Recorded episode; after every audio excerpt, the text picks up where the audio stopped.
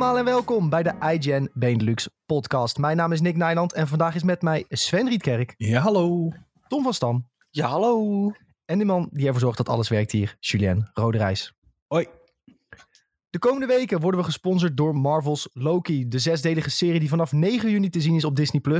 In de serie volgen we Loki, de God of Mischief, nadat hij in Avengers Endgame de Tesseract pakt en ermee van doorgaat. Hij komt in contact met de Time Variance Authority, voor wie hij flink wat klusjes mag gaan oplossen.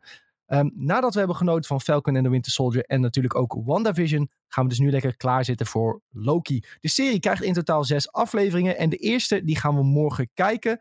We gaan zo in de podcast alvast vooruitblikken op de serie en de komende weken gaan we elke week eh, een nieuwe aflevering bespreken in de podcast. Wordt hartstikke leuk, hartstikke gezellig. Wij hebben er super veel zin in. Eh, we hopen jullie ook. Maar goed, we hebben ge- gezien en gehoord hoe, hoe leuk jullie Falcon en the Winter Soldier vonden en WandaVision ook. Dus eh, we nemen aan dat het wel een eh, leuk segment wordt weer in de podcast om dat even weer erbij te halen elke week. Dat gaan we zo dus doen. Eh, wat gaan we nog meer doen in deze podcast? We, gaan, we hebben al een keer vooruit geblikt op de E3. En ja, meer een beetje de usual suspects besproken. Van wat verwachten wij? Wat denken we wat reëel is dat er gaat komen? En in deze aflevering willen we ook de geruchten bespreken. Want altijd in aanloop naar de E3 zijn er wat geruchten die opkomen duiken. Hier en daar hebben we al wat dingetjes besproken in de podcast. Maar nu gaan we ze even allemaal nog op een rijtje zetten. En eh, zometeen om vier uur voor de mensen die het live via Twitch kijken gaan we ook Ratchet Clank Rift Apart bespreken. Want vanaf 4 uur mogen de reviews online en mogen wij ook zeggen wat we ervan vinden. Eh, wij hebben alle vier de game gespeeld. Eh, we hebben alle vier een mening over de game. En we kunnen dus uitgebreid over hebben en ook jullie vragen beantwoorden. Dus vanaf 4 uur doen we dat. En tot die tijd gaan we het hebben over de E3. Want ja, dat is wel een beetje de hype van de week. Oh ja, we gaan nog een E3 bingo kaart maken. Want dat vinden we leuk. Met een beetje grappige dingetjes. Een beetje hoopvol, eh, hoopvolle games die we hopen te zien. Ehm, en eh, als jullie suggesties hebben zometeen voor de bingo kaart, eh, hou ze even vast. En ehm, dan zetten we die er misschien wel op. Ehm, in de chat zie ik al Bob, Matt Scardy en Veerle onder andere. Hallo, hallo. Hoe is het met jullie allemaal? Hopelijk goed. Maar naast de Twitch-chat wil ik natuurlijk ook weten hoe het is met de rest. Sven, hoe is het met jou? Ja, een beetje hooikoortsig. Wel heel uitgerust, want ik was een weekendje op een camping. Dus ik ja, heb, le- heb lekker kunnen uitrusten. En als het goed is, ja, zie je geen katten meer achter mij. Maar is het eh, gewoon weer eh, als vanouds vanuit, vanuit huis. Lekker. Weer even Ja. opgeladen voor Jammer, de hoor. E3-week. Ja, ik heb even, even die batterij is weer eh, helemaal vol. En eh, over anderhalve week is die weer helemaal leeg. Dus dan eh, moeten we maar weer een keer weg of zo. Lekker man. Lekker. Ja. Maar eh, weinig gegamed ook dus, want je was weg. Ja, eigenlijk nog niet echt. Ja. Ik hoop, eh, nou ja, we gaan het straks hebben over Ratchet. Maar eh, hè? Eh, straks. Dan, dan ga ik direct even door naar Tom. Want Ja, dit goed. is dus wel grappig. Hè? Want Tom die heeft de afgelopen weken elke keer gezegd... nee, ja, ik heb eigenlijk niet veel gegamed afgelopen weekend. Terwijl ik wist dat hij tien uur Ratchet Clank had zitten spelen dat weekend, weet je wel. Maar goed, soms Ja. mag je dingen niet zeggen. En nu mag het eindelijk gezegd worden. Ehm, Tom, hoe is het met je? Ja, prima. Ik heb een heleboel gegamed afgelopen week. mag ja, eindelijk nou, zeggen. De, de game waar we het zo over gaan hebben, die heb ik wel nog wel even gespeeld. Maar eh, aan de andere kant was ik daar ook alweer eh bijna klaar mee. Daar la- later meer over. Voor de rest eh, heb ik Pokémon Go gedaan.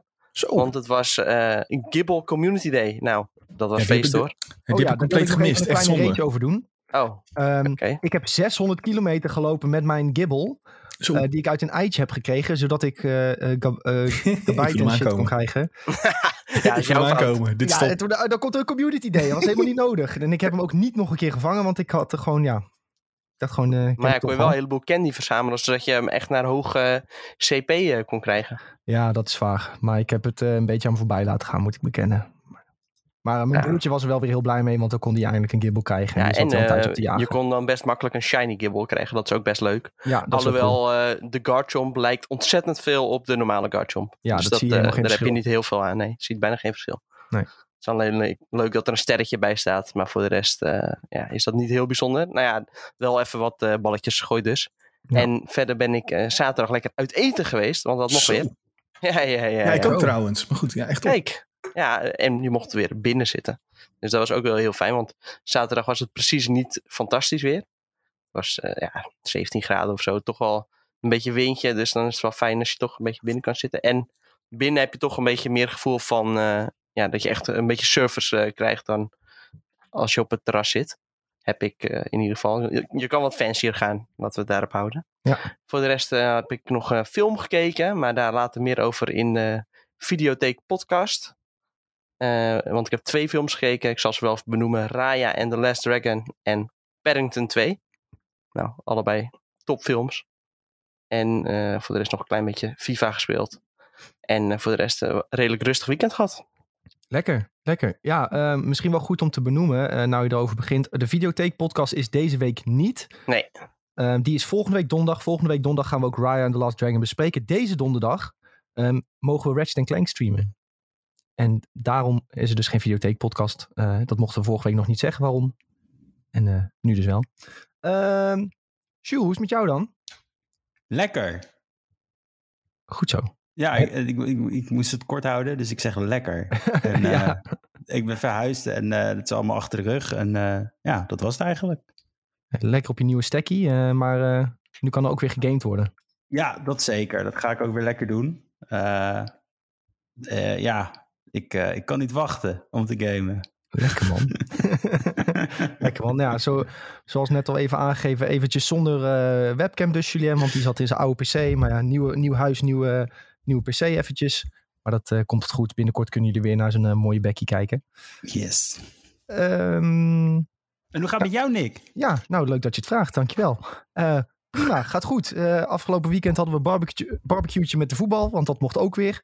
Eh, de kantine mocht soort van half open, dus eh, ja, gezellig met eh, een klein toernooitje gedaan en, eh, en een barbecue'tje om het seizoen een beetje af te sluiten. Dus eh, ja, welk seizoen zou je vast denken, want dat was er niet. Maar goed, eh, wel even afgesloten.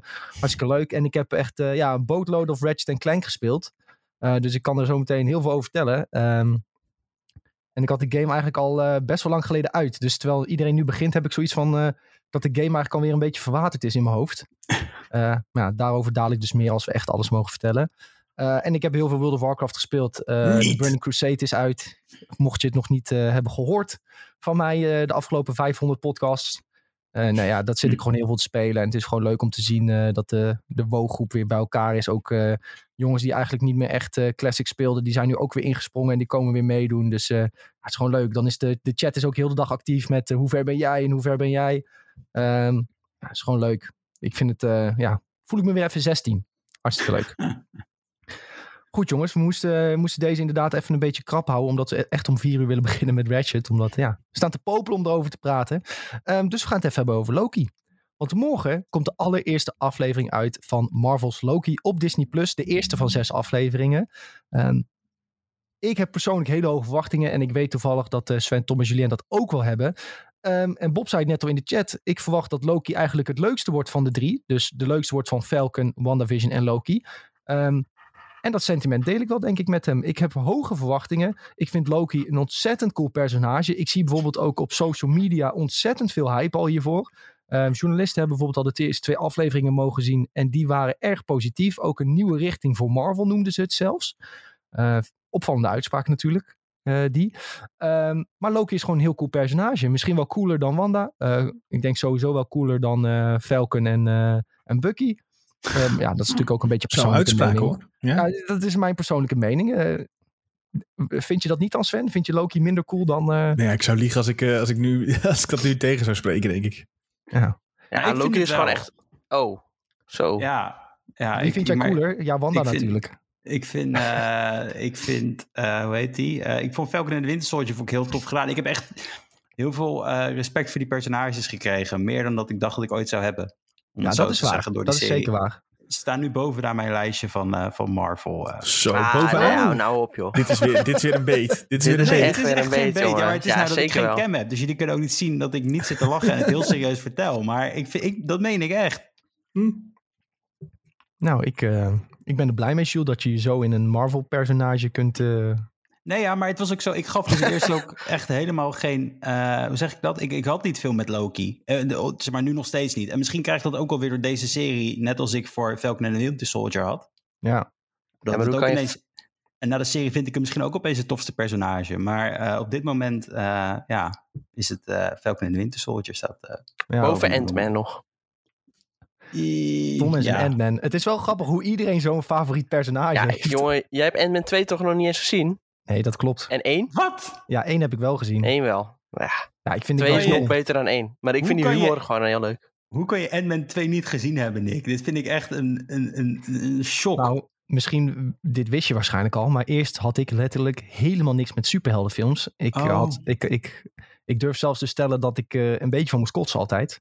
Zo. En toen heb ik uiteindelijk een paar jaar geleden, heb ik in, in één keer alles gekeken van het MCU. En er stond op een website van deze moet je kijken. En daar stond Ant-Man niet tussen. Hè? Ja, Ja, tot, aan, eh, tot aan Endgame waarschijnlijk. Want dan is hij toch best wel handig hoor. Ja, precies. En dat was, dat was wel een flink stuk voor Endgame hoor, dat ik alles heb gekeken. Ja, oké, Ehm, misschien dat hij niet necessary is voor het verhaal. ja, eh, dat is het. Hij was niet necessary wel, voor het eh, verhaal. Wel, op dat moment was hij niet necessary, snap je? Na Endgame en zo was hij dat wel. Maar tot, op, tot dat punt, en dan praat ik, zo, dan praat ik voor eh, Infin- Infinity War. Toen was die op zich niet nodig om te kijken om het verhaal te begrijpen. En daarom stond hij niet in die lijst. En toen dacht ik van oké, dan skip ik die wel. Want ik had al 18 films gekeken. Weet je wel. Maar goed, eh, en eh, sindsdien vind ik het wel echt een stuk leuker hoor. Daar niet van. En daar, da- toen ben ik ook wel echt, echt van gaan genieten. Maar daardoor had ik hem nog niet gezien. En de tweede heb ik ook nog niet gezien. Dus daar moet ik nog wel een keer voor gaan zitten. Ehm, maar mijn punt is nog steeds, het is grappig dat iedereen een ander favoriet personage heeft. Hè, Tom zegt, ik vind Ant-Man super cool om zijn humor. Jij zegt nu, ik vind sinds eh, Falcon and the Winter Soldier die twee personages eh, heel top. Eh, ik, vind, ik vind zelfs Spider-Man heel cool. Ja, Ehm, ja. Dus ik moet het zeker nog kijken hoor, daar niet van. Ehm, maar goed, kleine vooruitblik op Loki. Ehm, waarom ik zeg dat ik Loki zo cool vind, is een beetje zijn, ja, zijn humor, ehm, zijn manier waarop hij echt letterlijk scheid heeft aan alles. Dat hij bijvoorbeeld gewoon een, een tijd lang de, de koning van Asgard heeft gespeeld. En da, ja, dat doet hij gewoon eventjes, weet je wel. Ehm, hoe, Thor, hem- hoe Thor hem dan uiteindelijk ook aanpakt. Ik weet niet, gewoon zijn, zijn laksheid ik weet niet of ik het zo moet noemen, of zijn ultieme scheid aan alles. Daar, daar kan, ik, kan ik heel veel van genieten. En dat je nu dan een soort combinatie krijgt met een hele serieuze instantie, de Time Variance Authority. Die, ja, nou, dat zijn een stel serieuze boys. En die komen dan met zo'n met zo'n gast die eigenlijk ni- niet echt, eh, niet heel veel dingen serieus neemt, zeg maar. Nou, dat, dat, dat- ja, dat klinkt voor mij als een goede combinatie. Ehm, maar, maar kijken jullie ook zo tegen Loki aan? Dan weet je als, eh verwachten jullie Ja. veel humor? Nee, Ik weet niet dat er veel, ja, tuurlijk veel humor in. Want je ziet in die, in die trailers al, zie je ze toch al een beetje grappen van. Eh, je moet hem niet gaan vertrouwen, want het is eh, de God of Mischief. En dan vertrouwt hij hem toch. En dan uiteindelijk eh, eh, ehm, blijkt dat toch weer dat, dat, dat ze in die trailer al zeggen van, ja, vertrouw hem nou niet. Dus daar Ja. gaat sowieso heel veel mee. Ik, de- ik, ik hoop dat daar heel veel mee wordt gedaan. Ja. ehm, Op die manier. En ook natuurlijk, ehm, dus gaan we een vrouwelijke Loki zien. Waar een beetje de geruchten ook om gingen. Daar ben ik heel benieuwd Spoiler. naar. Nou, zo is dat een spoiler. Het is gewoon... vrouwelijke Loki, wat? Ja, ja, want Ja, eh, zie je, Loki, spoiler. Ja, nee, ja, Loki die kan toch zichzelf toch van gedaante verwisselen. Daardoor eh, was hij een hele lange tijd eh, zijn vader. Ik ben heel, nu ben ik zijn naam kwijt, terwijl ik heel erg van de Norse Odin. Odin, Odin, ja, maar Maar hij is eigenlijk niet echt, niet echt zijn vader, hè? Is niet echt Nee, zijn oké, vader. is dus een geadopteerde vader, eh, maar andersom. Ehm, je, je snapt wat ik bedoel. ja, ik snap hem. En dat, dat hij dus ook in een vrouwelijke Loki zou kunnen veranderen. En met al die tijdlijnen en verschillende dingen die, we, die ze nu een beetje teasen, zou je toch zeggen dat, er, dat daar wel een tijdlijntje in moet zitten waar er eigenlijk een vrouwelijke Loki is. Oh, dus misschien krijgen we weer Natalie Portman. Nee, Nee, Oh. dat, nee, hebben ze al gezegd. Dat gaat niet... Maar eh, dat nee. vind ik jammer. Dat vind ik jammer. Maar eh, ja, ik ben Er- wel benieuwd. Maar Nick, ben jij dan niet een beetje huiverig voor... eh, dit, dit is een serie die echt, nou ja, misschien wel de serie over verschillende tijdlijnen. Ja, ik vind verschillende tijdlijnen is, eh, heel gevaarlijk altijd bij dit soort dingen. Dat, dat, dat Loki dan nu opeens ook weer leeft en dan misschien weer terugkomt naar het, zeg maar, het MCU. Zo, ja, de films, zeg maar. Het MC Ja, dat nu, dit- laten we het zo Het noemen. MC nu. Zo. Zo. dat is een mooie. Dat hij daar naartoe terug kan komen, dat, daar, daar word ik altijd een beetje, een beetje misselijk van. Ja, maar dat gaat ik, moet, gebeuren, ik moet daarbij zeggen wel dat het misschien voor Loki anders aanvoelt. Omdat het moment dat hij doodging, had ik al zoiets van: nee, dit is niet het einde van Loki. Eh, toen in Endgame. Er werd, eh, dat werd gewoon zo aan het begin van de film meteen gedaan.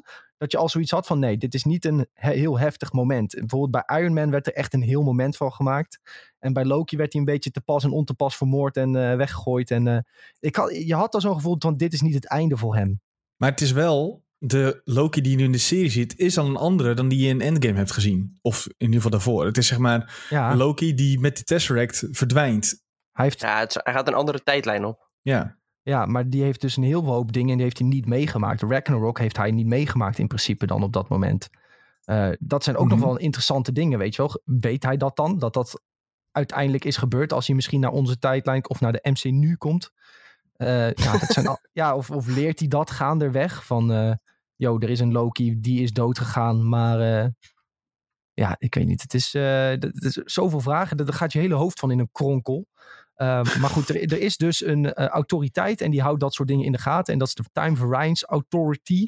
Um, dat is een bekende autoriteit in, in het MCU. Die zijn niet onbekend, die bestaan gewoon in de comics ook. Um, en wat zij eigenlijk doen als een soort politieagentjes spelen voor tijdlijnen. en Loki moet hun gaan helpen. Nou, die combinatie van die twee, dat, dan denk je al van, nou, dit klinkt heel kut. Van, dat kan nooit goed gaan. Um, en ja, je ziet al een beetje in de trailers, dat gaat ook helemaal niet goed. En uh, Owen Wilson, die speelt een van de personages die daarvoor werkt. Uh, ik vind Owen Wilson altijd wel grappig eigenlijk. Uh, ja, dus ik ben, sowieso, ja, ik ben sowieso benieuwd naar die combinatie van die, van die twee personages. Dat kan alleen maar leuk worden. Um, sowieso wel een vet stijltje trouwens. Ik zag ook uh, vandaag weer een, een, nieuwsberichtje dat ze inspiratie hebben gehaald uit de dingen van David Fincher. Zoals uh, Seven en Zodiac noemen ze dan zelf, de schrijver. En ja, uh, ja dat, als ze echt een beetje dat stijltje opzoeken, een beetje duister en mysterieus, dat, dat trekt me wel. Dus je kunt een doos verwachten? Ja, What's het hoofd van Thor in een doos. Wat is in de baard? Kijk er nu al naar uit. Ja, maar um, wel leuk dat jullie bijvoorbeeld uh, Thor en uh, Natalie Portman net al noemen. Uh, verwachten we andere Marvel-personages nog in deze serie? Of laten ze dat een beetje erbuiten? Als ze slim zijn, niet, denk ik. Ja, het is nu heel gevaarlijk om personages te laten ja, in andere tijdlijnen, denk ik. Precies. Tenzij het zeg maar helemaal zoals, zoals je bijvoorbeeld in uh, Ragnarok ook had... dat je een, een soort theatervoorstelling hebt met personages die. Snap je wat ik bedoel? Ja, ja, ik snap wat je bedoelt. Maar er wordt, er wordt al, zijn al geruchten dat dat weer gedaan wordt in um, de volgende Thor-film. Mm -hmm. Dus ja, als ze dat nu nog een keer gaan doen, dan wordt het misschien wel heel erg. Uh, maar juist uitmelken. omdat het een andere tijdlijn is, zou je denken van ja, dan kunnen ze het toch juist wel doen. Ja, aan de ene kant wel, maar dan. Ik, ik vind nu al dat je, dat je heel erg gevaar loopt met. Oh, Iron Man zal dus terug kunnen komen. Uh, ja, dat gaat nooit gebeuren, want die gast kost te veel. Maar je snapt wat ik bedoel, toch? Van stel. Mm -hmm. uh, Star-Lord gaat dood. Oh ja, nou dan halen we hem toch terug uit een andere tijdlijn. Maar ja, maar zou dit niet eerder een deur openen voor X-Men dan? Ja, dit gaat uh, heel veel deuren openen. Hè? Want het, uh, de film of de serie bedoel ik, die moet ook een link hebben met Doctor Strange en de Multiverse of Madness. Um, in de Multiverse of Madness heet Excuus, in de Multiverse of Madness, heel goed. Um, hebben we daar al een klein idee van hoe die link uh, tot stand gaat komen? Ja, natuurlijk dat er verschillende tijdlijnen zijn en Doctor Strange gaat over de multiverse en Wanda gaat daar iets mee te maken hebben. Um, nou, dat. Goede samenvatting, denk ik. ja, was dat het? Oké. Okay. ja. ja. You got it. Ja. Um, ja, maar er moet wel iets heftigs gebeuren, denk ik, in Loki dat Doctor Strange erbij wordt gehaald. Of dat hij hem uiteindelijk tegenkomt op een bepaalde manier. Uh, of dat er link wordt gemaakt met uh, nou ja, multiverse. Of, of dat juist Loki... niet. Want bij, bij WandaVision hebben ze toch ook uiteindelijk gekozen om dat niet te doen, omdat ze het verhaal om Wanda wilden laten draaien. Ja, maar dat, die reden snap ik heel goed. En da, da, daarbij zeiden ze ook dat de reden een beetje was van ze wilden niet Doctor Strange op het laatste moment in laten vliegen als de, uh, de, blanke, ja. de blanke man die de dag komt redden. Want dat vonden ze dan weer misplaatst, omdat Wanda dat ook prima zelf kon. Um, en hierbij, ik, wat ik eigenlijk verwacht, is dat Loki het op het einde compleet gaat ver, verniegelen ik wil een uh, ander woord gebruiken, maar uh, dat hij het compleet gaat verpesten, al die tijdlijnen, en dat Doctor Strange het dan een beetje mag gaan oplossen. Uh, dat, nou, dat zou ik wel ook heel leem vinden eigenlijk. Zou dat je dat leem vinden? Maar, ja, dat zou de easiest cop-out zijn. Ja, precies. Ze dat. Maar daarvoor werkt hij toch juist met die Time Variance Authority, zodat zij een beetje hem in de gaten kunnen houden. Ja, precies. Dus dan zou ja. je denken van, juist, ja, het gaat niet, uh, niet per se fout of zo. En ik denk dat hij deze serie ook makkelijk in zijn eentje kan dragen. Daar heeft hij echt niet per se andere ja, personages voor. Ik zeg niet dat Doctor Strange moet komen, maar als de serie eindigt met het feit dat hij ervoor zorgt dat uit al die andere tijdlijnen die uh, Spider-Man uh, schurken opeens allemaal uh, worden vrijgelaten. Ja, dat zou ik dan op zich nog wel lachen vinden. Zo'n oepsie. en dat alles dan naar hun tijdlijn komt. Ik weet niet. Uh, de we opties zijn zien. open. We gaan het zien, jongens. We gaan gewoon in ieder geval morgen de eerste aflevering kijken. En dan zullen we ongetwijfeld meer gevoel krijgen voor wat, wat de serie gaat doen en waar het naartoe gaat. De trailers zien er leuk uit. Um, Loki is een tof personage. Dus uh, ja, we zitten er klaar voor. Um, morgen dus aflevering 1. In totaal zes afleveringen gaat het zien op Disney Plus allemaal. Uh, elke woensdag een nieuwe aflevering trouwens in plaats van vrijdag. Dan weet je dat ook. Um, en dan is er nu tijd uh, met nog 35 minuten op de klok, jongens. Ja, ik zit echt een beetje in de gaten te houden. uh, om uh, het over de E3 te hebben. Uh, we gaan het eerst even hebben over de geruchtenmolen. Want eh, de afgelopen weken zijn er flink wat geruchten naar boven gekomen rondom de E3. We willen er gewoon een aantal bijpakken die, eh, die voorbij zijn gekomen. En ik moet eigenlijk zeggen dat het dit jaar wat rustiger is dan andere jaren met, eh, met de geruchten. Eh, mogelijk omdat het een volledig online variant is van de E3. Ehm, dan is het ook minder snel dat er met stands wordt gezult door LA. En dat er opeens al spandoeken hangen ehm, die nog niet mochten hangen. En dat soort dingen, waardoor je opeens al van alles weet. Ehm, maar ik vind het vrij, eh, vrij rustig. Eh, hier en daar lekt er wel een dingetje bij een Amazon of een websiteje die er al eh, staat of dergelijke. Maar ja, we gaan een aantal geruchten met jullie doorspreken. We hebben hier een lijstje gemaakt. En ja, eentje, daar kunnen we eigenlijk best wel, best wel snel afvinken. Want daar hebben we het de laatste drie podcasts al over gehad. maar dat is over de Nintendo Switch Pro. Volgens Oh. de geruchten zou die eh, voor de E3 aangekondigd worden. Of in ieder geval voor de presentatie van Nintendo. Dat kan nog steeds, hè? Het kan nog steeds. Wie weet, eh, terwijl wij de podcast houden, eh, komt het opeens. Ehm, het kan ook nog bijvoorbeeld donderdag. Donderdag Eventjes- denk ik, ja. Ja, eventjes. Ja. we zeggen nu elke week al donderdag, maar eh, eventjes net voor Jeff Keighley nog in de middag zo. Eh, dat Ja, zou of een stunt of zijn. Jeffy heeft hem, hè? Zou of dat Jeff niet die kunnen? trekt hem opeens omhoog. Ja, dat zou ook cool zijn. Dat hij hem in zijn zak heeft. Zo, hij dat zou stunt zijn. trekt. Ja, een hele grote broek aan heeft. Een soort bioscoopbroek. ja een soort bioscoopbroek en dan eh, trek je opeens een gekke Switch eruit. Zou leuk zijn. Ehm, maar goed, over de Switch Pro willen we het eh, niet meer al te veel hebben, denk ik. Want daar hebben jullie al helemaal mee doodgegooid. Maar eh, weet dat er geruchten zijn en dat je niet bang moet zijn als hij opeens wordt aangekondigd. En dat hij misschien later dit jaar al uitkomt. Bijvoorbeeld met de nieuwe Pokémon games of, of dergelijke. Het volgende dingetje die ik in de rij- lijst heb gezet is de soort Marvel XCOM game. En eh, misschien eh, kan jij er wat over vertellen, Sven? Nou ja, dit, dit hele verhaal komt volgens mij van, moet ik het goed zeggen, eh, de lek bij 2K. Ja, Misschien dat Tom volgens mij eh, daar ook eh, een beetje in zit. Eh, verbeter mij alsjeblieft als het niet klopt. Ja? Maar de, er is een hele bende, een hele lijst van 2K eigenlijk gewoon gelekt. Waaronder dus een XCOM game eh, met Marvel personages. En nu ben ik wel heel benieuwd hoe dat gaat werken. Want de kracht van XCOM is ehm, dat jij met jouw tactische inzicht moet proberen om met jouw squad eh, het level te voltooien. Zonder dat er iemand doodgaat. Want als die doodgaat, Zijn ze weg? zijn ze gewoon weg bij XCOM. Maar ja, bij, even- kijk, bij Marvel-personages. eh, weet, ja, hè? snap je wat ik bedoel? Dat zou gek Ja, zijn als al opeens. ga je naar comics kijken, dan kun je zo'n blik met duizend personages opentrekken. Ja, dat is waar. Maar... Je natuurlijk de meest obscure Marvel personages in de game stoppen. ja, maar, maar, ze kunnen ook een ja. andere insteek eh, kiezen natuurlijk. Hè. Voor het, eh, bijvoorbeeld het, eh, als het gewoon een top-down strategy game is. ehm, dan is dat misschien de insteek. Maar dan doen ze Mhm. misschien iets anders met. Als Ja, ik snap Sven wel. want Het is wel een beetje de charme dat die personages zeg maar echt dood zijn als ze daadwerkelijk eh, omgelegd worden. Ja. Dat je ze niet meer terug kunt halen.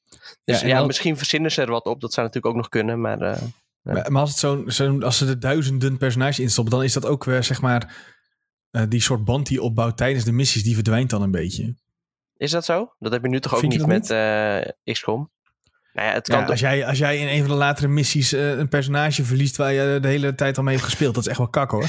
Ja, plus, Ja, nee, is- maar, nee, maar dat zo bedoel ik het ook. Want dat je bijvoorbeeld juist personages eh, wel uit het Marvel-universum, maar wel gewoon wat, misschien wat obscuurder eh personages krijgt. Mhm. En die dan wel gewoon ook eh, het loodje kunnen leggen. Ja. Ja, ik ben wel geïntrigeerd, want XCOM is echt super vet. Dat is ook eh, een super tactische top-down eh, eh, tur- turn-based strategy spellen. En dat is gewoon, ja, dat kunnen ze wel. Ja, dat zijn, eh, zijn leuke spelletjes, absoluut. Dus als dat waar is, ja hoor, komt u maar door. Nou, helemaal goed. Er stond Ehm, nog meer in het lijstje. Van 2K? Ik Ja, denk hadden we dat het al volgende... gehad over die spin-off van eh, Borderlands? Nou, die, die stond toevallig de volgende in ons lijstje. Oh. Nou, wat Wil je het over hebben direct dan? eh? Ja, nou, ik ben niet per se de grootste Borderlands-fan, dus eh, we, we kunnen het ook overslaan hoor. Nou, het, het- in ieder geval, de, de, de moet een borden- Ja. Eerst Ja. het introduceren, dat hebben we het al over die andere lek gehad. Dan zeggen het is Borderlands, ik heb er niet zoveel mee, dus we kunnen het skippen. Ja. Nou, is Ja, sorry. En dan zet hij hier, nu zet hier iemand in het lijstje. Guardians of the Galaxy game. En die staat letterlijk drie plekken hierboven. Ja, Oh, dit, oh, dat was ik. Ik, ik. ik kijk ook niet. Ik let ook niet op. Maar Borderlands, dat gaat toch over die spin-off van Tiny Tina? Eh, die zou... Tiny eh, Tina's Won- Won- Wonderland. ja, precies. Zo, Nick laat even een kijkje achter de schermen zien. eh. Ja, hij stond verkeerde display. Ik laat, oh, niet snel weggehaald. Nou, ja, dat is het ook. dat maakt niet uit. Ehm, Ja, Borderlands is vet. Tiny Tina is een van de tofste personages, vind ik, in die game ook. Dus eh, ja, kom maar door. Helemaal goed. Yeah. Nou, dat. Ja, nou, Heb dat, ik erover eh, te daar zeggen. is 2K dus, eh, of daar, dat is misschien het volgende Borderlands project eh, waar ze mee bezig zijn. Dan eh, weten jullie dat, dat dat er misschien aankomt. Ehm Cardboard Bubble zei trouwens nog in de Twitch chat, alle gamers zijn zo teleurgesteld met gameuitgevers dat we geen vertrouwen meer hebben. En dat, dat zei je volgens mij op toen we het gingen hebben over geruchten. Dus eh, als je dan nog verder wilt toelichten waarom je geen vertrouwen meer hebt, hoor ik het graag, eh, Cardboard Bubble. Eh, en hij zei trouwens nog, misschien versies van superhelden uit andere universums bij de XCOM game. Ja, Ja, dat kan daar een natuurlijk. beetje mee spelen inderdaad. XCOM, X-Men. De, de, comics, ja, nou ja, de comics zitten vol met eh, alternatieve versies van die en die. En eh, waarom niet, weet je wel? Ja, Ja, maar dat heb je dan alleen als je DLC koopt. Dan eh, krijg je die. dat is waar. En iedere nieuwe superheld kost 2 Nee, euro. het is Ja, natuurlijk... Het is 99% natuurlijk eh, om het mooier te maken. De budgetbox, zeg maar. Dan heb je ook budgetbox varianten. En dat zijn, je krijgt eh, natuurlijk van die packs en die kun je kopen. En dan kun je hopen op eh 1% kans op Iron Man en zo. Zo. Dat ja, echt, gaat echt een er mooie week in. zijn. Ik zeg dit en ik... En, en ik dit, luister niet naar mij. Doe dit niet. Sven krijgt opeens een, eh, een mailtje van EA binnen. Wil- Hallo wil Sven. je werken bij Firaxis? Hou op. Nee, dat kan echt niet. Timon is ook in de chat. Yo, Timon. Yo, hopelijk alles lekker. Ehm, volgende in het lijstje die we hadden staan was ehm, Breath of the Wild 2. Ja, hebben we het ook ehm, vaker over gehad al de laatste tijd. En ik denk dat we een half jaar geleden volgens mij nog zeiden van ja, Breath of the Wild 2, dat wordt waarschijnlijk begin volgend jaar. En dan komt hij misschien met de Nintendo Switch Pro. Maar nu die geruchten van die Nintendo Switch Pro steeds sterker worden, hè, en dat hij in juli al in productie gaat en eind dit jaar moet uitkomen, duiken er ook steeds meer geruchten op over Breath of the Wild 2. En dat die mogelijk tegelijk uitkomt met die Nintendo Switch Pro. Ehm, geen gekke gedachte natuurlijk, want dan kun je natuurlijk direct die Pro mooi eh, tonen in, een, eh, in de nieuwe Zelda game. Ehm, en ook Jeff Grubb, eh, die een beetje met losse vlodder schiet de laatste jaren en af en toe wel wat raakte met zijn hagel. Ehm, die had gezegd dat Breath of the Wild 2 in het vaarwater gaat zitten van Horizon Zero Dawn. En we weten dat Horizon Zero Dawn voor nu nog gepland staat om eind dit jaar uit te komen. En volgens hem dus Breath of the Wild 2 ook. En daar gaan we dus meer van zien tijdens de Nintendo Showcase. Ehm, hoe tof zou het zijn als je een Nintendo Switch Pro te zien krijgt en ook nog Breath of the Wild 2? Dan heeft Nintendo eigenlijk bij default denk ik al de showcase gewonnen. Laten ze nog die twee Pokémon games zien. Dan zeggen ze au revoir jongens, wij zijn weer binnen voor de komende twee jaar. Ehm, ja, fantastisch. Ehm, maar ja, de Breath of the Wild 2 hebben we het al vaak over gehad. Hoeven denk ik niet te uitgebreid te bespreken wat daar de geruchten omtrent zijn. Eh, games twee jaar geleden voor het eh, eerst getoond. En volgens mij ook voor het laatst. De laatste keer dat eh, hebben ze ooit nog een keer gezegd van ja, we zijn er nog mee, aan, mee bezig. Nou, dat is fijn om te horen. We hadden ook niet anders verwacht. En eh, ja, we verwachten nu met de E3 wel een keer eh, wat meer te zien van Breath of the Wild 2. Dat is eh, mooi samengevat. Ja. Precies. Jules, Jules, wil jij dan eh, Metroid pakken? Want volgens mij vind jij dat wel interessant. Als ik heel eerlijk mag zijn, hebben we nog nooit een Metroid game gespeeld, eh Nick. Oh, ik dacht dat, je, dat juist jij vanochtend kwam met eh, Metroid. Maar dan eh, was Dat het was misschien iemand Tom. anders. Misschien was dat, oh, dat was Tom. Tom, wil jij wat eh, vertellen over de Metroid geruchten? Ja, nee, ik heb nog nooit een Metroid game gespeeld. nou, weet je, het- ik heb die Metroid Gamecube game gehad. Eh, ik heb hem één keer gespeeld. Dat was hartstikke leuk. Ik kijk er naar uit. Eh superleuk. Laten we ervoor gaan. Jongens, nee, het is gewoon een serie waar heel veel mensen op zitten te wachten. Er is niks van, eh, niks van uitgekomen de laatste tijd. Dus eh, ik, de- ik Nee, denk dat, ja, dat het een hit zou worden. Best knap als je wel een Metroid game gespeeld hebt. Dan moet je heel oud zijn ook vooral. ja, ik, had, ik had bij de aankoop van Nintendo DS kreeg ik wel zo'n eh, Metroid eh, demo disc erbij. Ja, die was heel leuk. Die, toen had ik nog geen geld voor een game. Speelde ik die de hele tijd. De classic is dat, hè? ja, Dagenlang de demo-disc spelen. ja, precies. Ja, en eh, ja, het, het is gewoon best wel een vette franchise, dat vooral. Ja, het is een volwassen serie voor Nintendo in feite. Dat, Ja. dat maakt het zo, eh, zo tof altijd. Nou, het enige Eh. wat er niet zo best aan is, is dat het natuurlijk eh, is, ge- is gewisseld van studio en opnieuw is begonnen met het ontwikkelen. Dat we Ja, er eigenlijk echt nog niks van hebben gezien. Nee, Ja. Dus het is meer hoog tijd dat, dat zeg maar, als er dit jaar niet iets van, van hallo, we leven nog en Ja, we werken dan is het eraan, klaar. dan is het wel een probleem, denk ik hoor. Ja. Ja, en, het, eh, de geruchtenmolen is in ieder geval dat Nintendo die heeft gezegd dat ze deze E3 eh, voornamelijk zullen focussen op games die nog dit jaar moeten uitkomen. En daardoor dachten mensen eigenlijk eerlijk van, oh, dan zal Metroid Prime 4 er wel niet bij zitten. Ehm, maar natuurlijk, ze hebben gezegd voornamelijk. Dus er zijn altijd uitzonderingen op de regel eh, op wat ze hebben gezegd.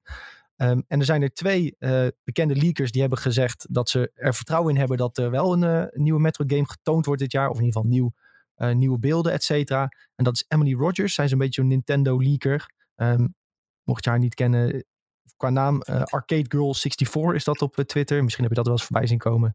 Ehm, en daarnaast heeft onze Jeff Grubb, onze eh, shotgun sch- eh, schieter, eh, die zegt zelfs bevestigd te hebben dat, eh, dat hij Metroid verwacht eh, bij E3 2021. Zo. Ja. Ja, Ja, ja, maar die ja. Jeff Grip, die, eh, die kunnen ook tweeten dat, eh, weet ik het wat, dat... eh, ja. dat Sora naar eh, ehm, ja, eh, Bros. eh, komt. Huh? Ja, is dat weet zo? je, die gast Ja, die meestal weet hij- gewoon, eh, Nee joh, meestal weet hij dat toch? Nou, hij heeft heel vaak misgehad hoor. Nou, het kwam omdat vorig jaar had hij een hele lijst gemaakt. En daar werd heel veel van uitgesteld. Want toen was het allemaal nieuw. En gingen we toch digitaal dingen doen. Waardoor die lijst eigenlijk niet meer echt klopte. Ehm, Maar had wel een hele hoop gelijk, ja, uiteindelijk. ja, er klopt een heleboel van hem. Maar hij heeft het ook wel eens mis. Ik denk dat dat een betere uitleg is. Als ik een Twitter zou maken en ik zou gewoon alles wat iedereen het meest anticipate gaan tweeten. En dan zeg ik, ja, ik kan het confirmen jongens, het is echt zo. er zijn websites Dan- die dat gewoon doen hoor, Ja. Dat is... Eh, ik bedoel, van dat is een beetje zijn stijl voor mijn gevoel altijd. Maar Dat zijn hetzelfde als die misschien heb ik website het die op Facebook zeggen dat de nieuwe Harry Potter en de Cursed Child film uitkomt. Wat helemaal niet waar is. En Oh dat ja, krijgt dat dan is 3 erg, likes. Ja, dat is echt heel erg. Ja, dat kan Ja, echt niet. dat is mijn account. nou, het is heel erg. Nieuw Harry Potter movie coming this year. Ja, en dat is dan erg. helemaal niet waar. En dat krijgt dan 3 miljoen likes. En allemaal mensen elkaar taggen van, oh my god, geweldig. Dat vind ik echt top als je dat doet. Want dan zit je gewoon Nee. echt die fans te trollen. Ik vind dat echt geweldig. Kun je geen fans noemen. Nee, geen fans noemen dit. Nee, echt niet. Crimineel dit. Ehm, jongens, daarnaast, ehm, het was net al eventjes genoemd eh, tussen neus en lippen door, maar een Guardians of the Galaxy game. Daar zijn heel veel geruchten om. En dan, eh, ja, dan kijk ik direct naar Sven, want die heeft Hallo. genoten van Marvel's Avengers. Dat is een van de weinige games die hij heeft uitgespeeld. Oh, daarom gooi je hem naar mij toe natuurlijk. Ik denk dat Sven ook een van de weinigen die zoveel heeft gespeeld over het algemeen. eh. Nou, maar ja, maar ook elk artikel dat gaat over deze Eh. Guardians of the Galaxy lek Mhm. begint met na Marvel's Avengers wordt er mogelijk een Guardians of the Galaxy game gepa- gemaakt en we hopen dat die beter is. ja, dat is erg, hè? Eigenlijk. Maar goed, ja, nee, dit gerucht komt eh, vanwege Square Enix heeft een presentatie op zondag om kwart over negen, even uit mijn hoofd. En die hebben al gedeeld dat ze een nieuwe game gaan laten zien van eh Eidos Montreal, als ik het goed zeg. Ehm, en we weten eigenlijk niet officieel wat dat is. Eh, en het enige wat we hebben is een gerucht van, ik geloof uit 2017 of zo. En toen werd er gezegd van, eh, ja, er wordt tussen neus en lippen door zo van... ja, die, eh, die studio werkt ook nog aan de Guardians of the Galaxy game. Ja, dus dat is het enige waarvan we, waardoor we zouden kunnen zeggen dat dat die game is. Ehm, ja, doe maar. Eigenlijk. Ik ben wel benieuwd. Ik vraag me ja. wel af waarom spelen met Rocket Raccoon leuker moet zijn dan met Iron Man. Maar eh, Ja, nou ja, we weten natuurlijk ook echt totaal niet wat voor een game dat dit wordt. Ja, Eh, dat lag niet aan de personages dat die eh, Marvel game niet vet was. Die nee, Avengers lag- game niet vet ja, was. nee, dat was een beetje dat het gewoon super... eh je deed alleen maar hetzelfde en het was niet echt heel erg eh, boeiend wat, wat je deed. Je deed één missie om alles te farmen zo snel mogelijk en dat was het. dan is het denk ik leuker als je een, eh, een beetje een soort single-player game on rails maakt. En eh, dan misschien een beetje afwisselt met personages. Dan dat je een soort Destiny-achtige game probeert te maken. Ja, ja, ik ben ook heel benieuwd of ze zeg maar, dat gaan doen. Of ze inderdaad kiezen voor zo'n eh, singleplayer ervaring. Want volgens mij heeft Idols heeft wel ehm eh, eh, Lara Tomb Raider en zo gemaakt. Nou, dat is natuurlijk super singleplayer rails game. Dus ja, Ja. ik ben wel ik ben geïntrigeerd op zijn minst. Als dit inderdaad het is wat het is. Bob die gooit er nog één op. Het is Just Dance Guardians of the Galaxy Edition. Nee, doe, dat, oh, dat Ubisoft begint met een Just Dance. Nee, dat kan niet. Oké. We, heb- we hebben nog wel een Just Dance eh, dingetje zometeen in de bingo kaart. Maar als ik het goed heb, is het laatste wat ze hebben gemaakt Shadow of the Tomb Raider. Ja, volgens mij wel, toch? Ja, ja, ja, ja. En ze hebben, wat hebben ze nog meer gemaakt? Geen ze hebben echt wel best wel goede games ook gemaakt. Want die Shadow of the Tomb Raider was ook best wel goed hoor. Deus Ex Mankind Divided. Ja, die was, dat was ook best wel een prima game. Dus toch meer ja. die singleplayer ervaring. Dus En- ik maar laat ze hopen. Daarvoor moet je nog even terug naar Thief. Ja, dat is helemaal... Dat is ook een singleplayer stealth Ik game. hoorde dat eh, een eh, bepaalde J. Meijroos dat een fantastische game vond. Hey, dat is maar, toch ook best wel een goede Gold, Award Die gekregen ik- die destijds. stad, Die ken ik niet. Zo. maar ehm, ik denk juist als je een Guardians of the Galaxy game maakt, gewoon hè, verhalend, één Mhm. lijn. En je moet bijvoorbeeld tussendoor switchen tussen personages. En met Rocket Raccoon doe je weer net iets andere dingen. eh, dan dat je met Star-Lord doet. En dan moet je opeens met eh, Groot eh, een stukje doen in de missie. Nou, dat- dat- daar zie ik wel potentie in. Zoals wat Ja. voor game moet het dan zijn? Als, Actie, als- action, adventure. maar als je het vergelijkt met een andere game. Qua stijltje. Ehm, dan zou dan de- ja, nou ja, een beetje in de lijn van, van Tomb Raider wat ze eerder hebben gedaan qua, qua level opzet zoiets. Dat de game je dan eigenlijk forceert om te wisselen tussen personages. Van oké, nu, nu kom ik bij dit stuk, dus dan moet ik even als Groot de dingen doen. En eh, natuurlijk kan je dan wel ondersteund worden door de rest. Eh. Maar dat je dan puzzels hebt die gepast zijn voor Groot, die hij dan moet oplossen. Of eh, puzzels die passen bij Rocket Raccoon en dat je dan als hem moet spelen. Maar dat je bijvoorbeeld als je echt moet gaan schieten, dat je dan juist Star-Lord bent. Ehm, ja, dat je een Oh. beetje per personage hun specialiteiten naar voren komen.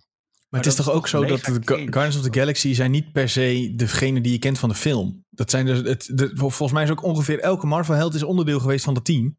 Zoals dat daar werkt. Net als elke, eh, elke held ongeveer lid is geweest van de Avengers. Dus het kan ook een heel ander team zijn dan dat je nu denkt. Ja, oké. Oké. Ja. Dat is waar. En Zoals ik denk dat Thor dat kan mis- erbij zitten, hè? Ja, nou precies. Maar ik denk dat ik dat nog wel toffer zou vinden. Dat je gewoon een nieuw, weer een nieuwe groep hebt. Wow, dat is denk ik marketingtechnisch niet per se wat ze willen gaan doen. Nou Ja, ja, dat is ook niet... Die vorige hebben ze toch ook gewoon ander, ja, wel dan misschien een beetje deels dezelfde personages, maar wel weer andere uiterlijken en zo. Dus ja, je Hm. zou hier ook kunnen bedenken van, ja, neem Ja, dan gewoon andere personages en dan voelt het weer helemaal fris voor mensen.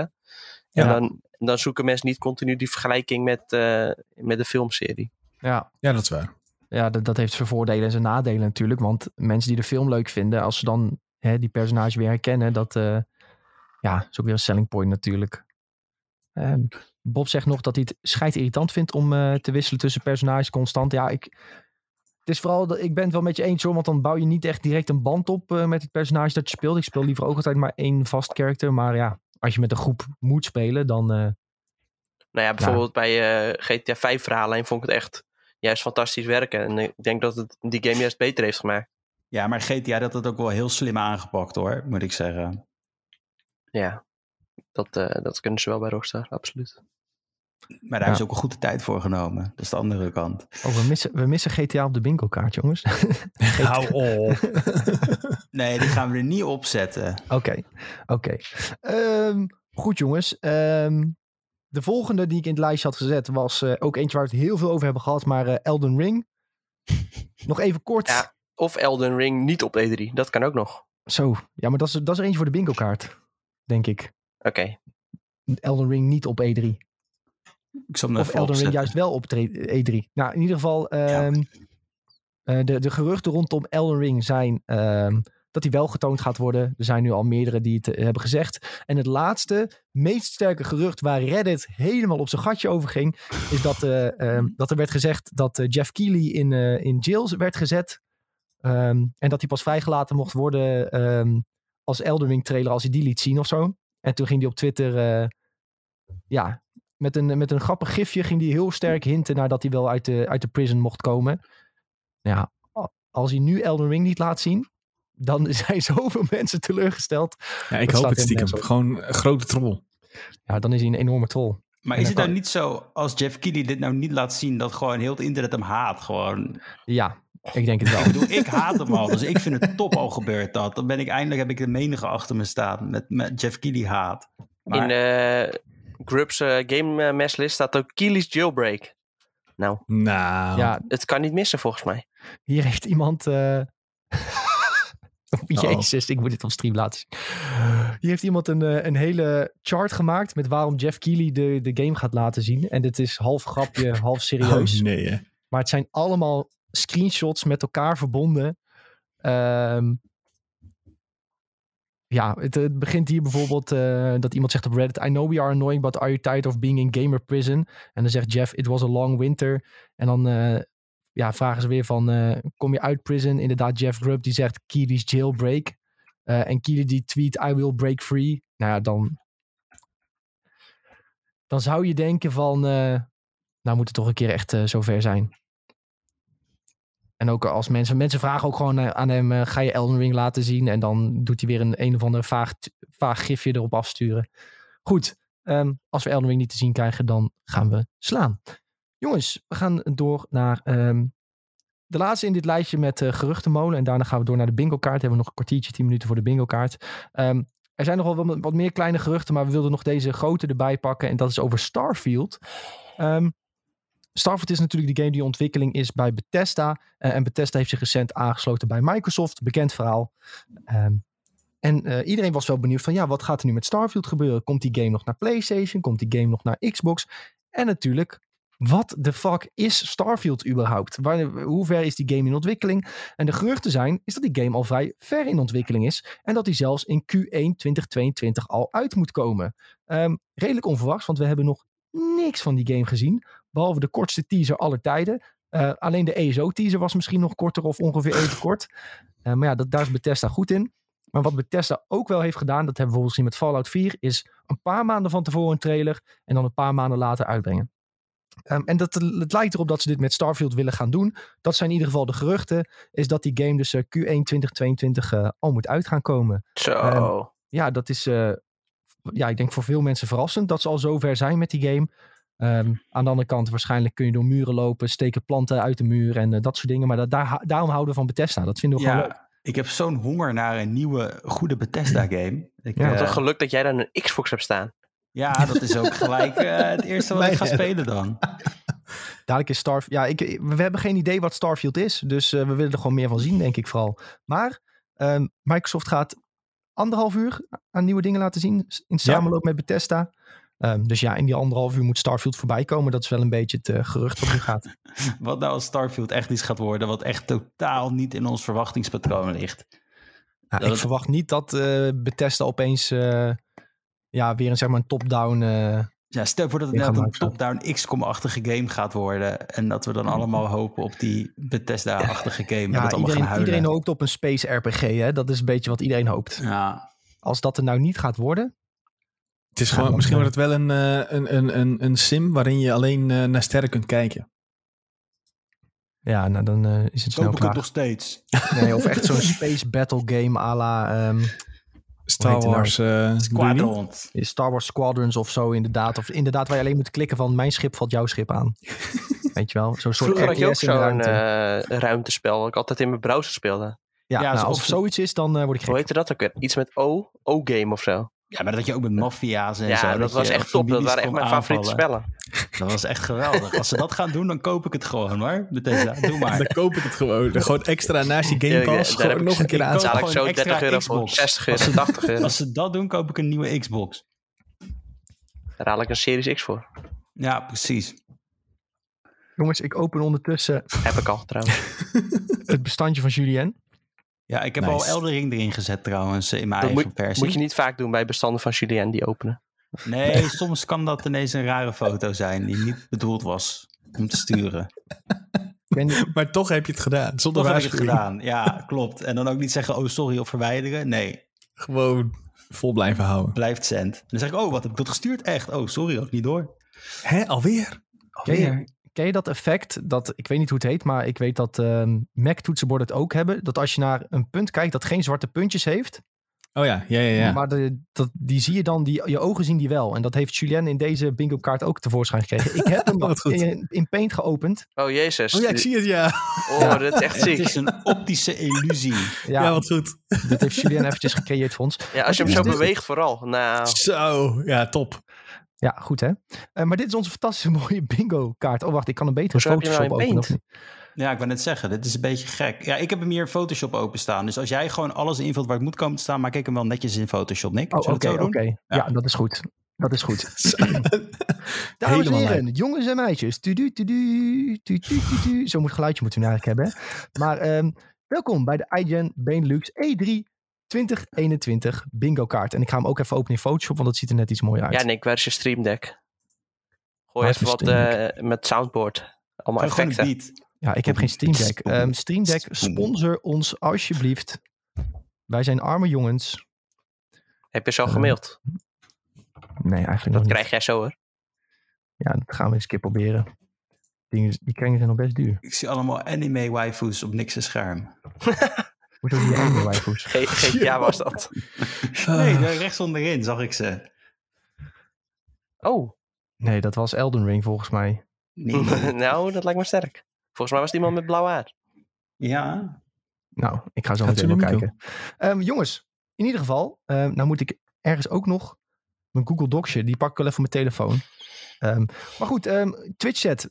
Gerust, help mee met eh, onze bingo kaart vullen. We hebben 25 plekken. We hebben zelf ook 25 dingetjes opgenoemd. En de eerste hebben we in het midden gezet. En dat is er eentje die je altijd kunt afstrepen. Dat is dat er bij de Xbox presentatie World Premiere wordt gezegd. Want dat, die zit er altijd bij. Je zegt het wel met lekker veel overtuiging. Dat vind ik goed. World Premiere. Ik vond het vetste bij Xbox dat je een shirt kreeg met je eigen game tag erop. En dan I witnessed the most powerful console. Ja, maar die kreeg dus niet iedereen volgens mij. Dat Niet? jaar. Alleen als je bij Xbox Fanfest was misschien. Ja, volgens mij daar ja. Oké. Tenminste, toen wij, ja, dat was het jaar daarvoor toen, eh, toen Jelle en zo er waren. Maar toen wij er waren, kreeg je sowieso geen shirt. Maar had je wel een groep mensen die speciaal vooraan mocht gaan zitten. En die gingen dan alles ophypen de hele tijd en juichen. En die waren zeg maar Oh, dat duidelijk was erg, ja. Die waren duidelijk ingehuurd om een keer te gillen. Oké jongens, ehm, de bingo kaart is dus gevuld met ehm, wishful thinking. Dingen die we hopen te gaan zien. Eh, dingen die we verwachten. Een aantal grappige dingen. Eh, en ik ga ze eh, gewoon even af. En eentje hebben we net al genoemd. En dat is eh, een Elden Ring trailer bij Jeff Keighley. Ehm, en Ja. deze mag alleen afgestreept worden. En hoe ga ik dit nou tekenen? Als die dus ook bij Jeff Keighley getoond wordt. Gewoon met tekst hier. Doe- Pak een logootje van eh Elden Ring Ja, ik erbij. heb het hier al, jongens. Ik, ik, ik vul het wel in. Julien, die werkt mee. hebben. Ja, Al zet je, jij dan gewoon de teksten neer, Nick. Ja, en dan kan dan- Julien straks gewoon met mooie plaatjes Ja. Als je het er naar me opstuurt, dan eh, vul ik hem netjes in. Dan doe ik hem wel gewoon eh, hier beginnen. Elden Ring bij Oom, Oom, Oom G. Ome Schof. Elden Ring bij Oom G. Nou, die hopen we te gaan zien. Hartstikke leuk. Hartstikke leuk. Dus die hopen we te zien, jongens. Elden Ring bij eh, Jeff Keighley. Ehm, Nergens anders. Nergens anders. Dan telt hij niet. Hij moet bij Jeff Keighley. Als hij ergens anders komt, dan telt hij dus niet. Ehm, de volgende in de lijst eh, was een Breath of the Wild trailer. En dan niet een gewone trailer, maar een gameplay trailer. Dus niet Zo. alleen weer een cinematic iets, maar een gameplay trailer. Dus dat is wel een schepje erbovenop. Eh niet de cinematic trailer, maar echt dat je gameplay eh, een beetje te zien krijgt. Ehm, daar valt nog over te twisten misschien wat telt als een gameplay trailer en wat niet. Ehm, waar willen we die neerzetten, jongens? Doen we hem gewoon even random ergens of niet?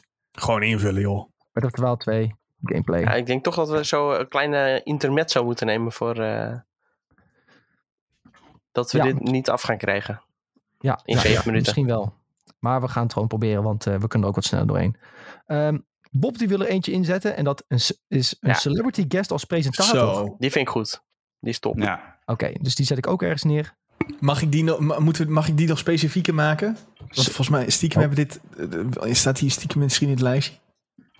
Welke Hey, bedoel jij van eh, Just de- Dance? Een, een TikToker eh, bij Just Dance voor Ubisoft natuurlijk. Die openen met zo'n verschrikkelijke TikTok-dansje, denk ik. Ja, we gaan inderdaad Doen we dat, ja. opzetten.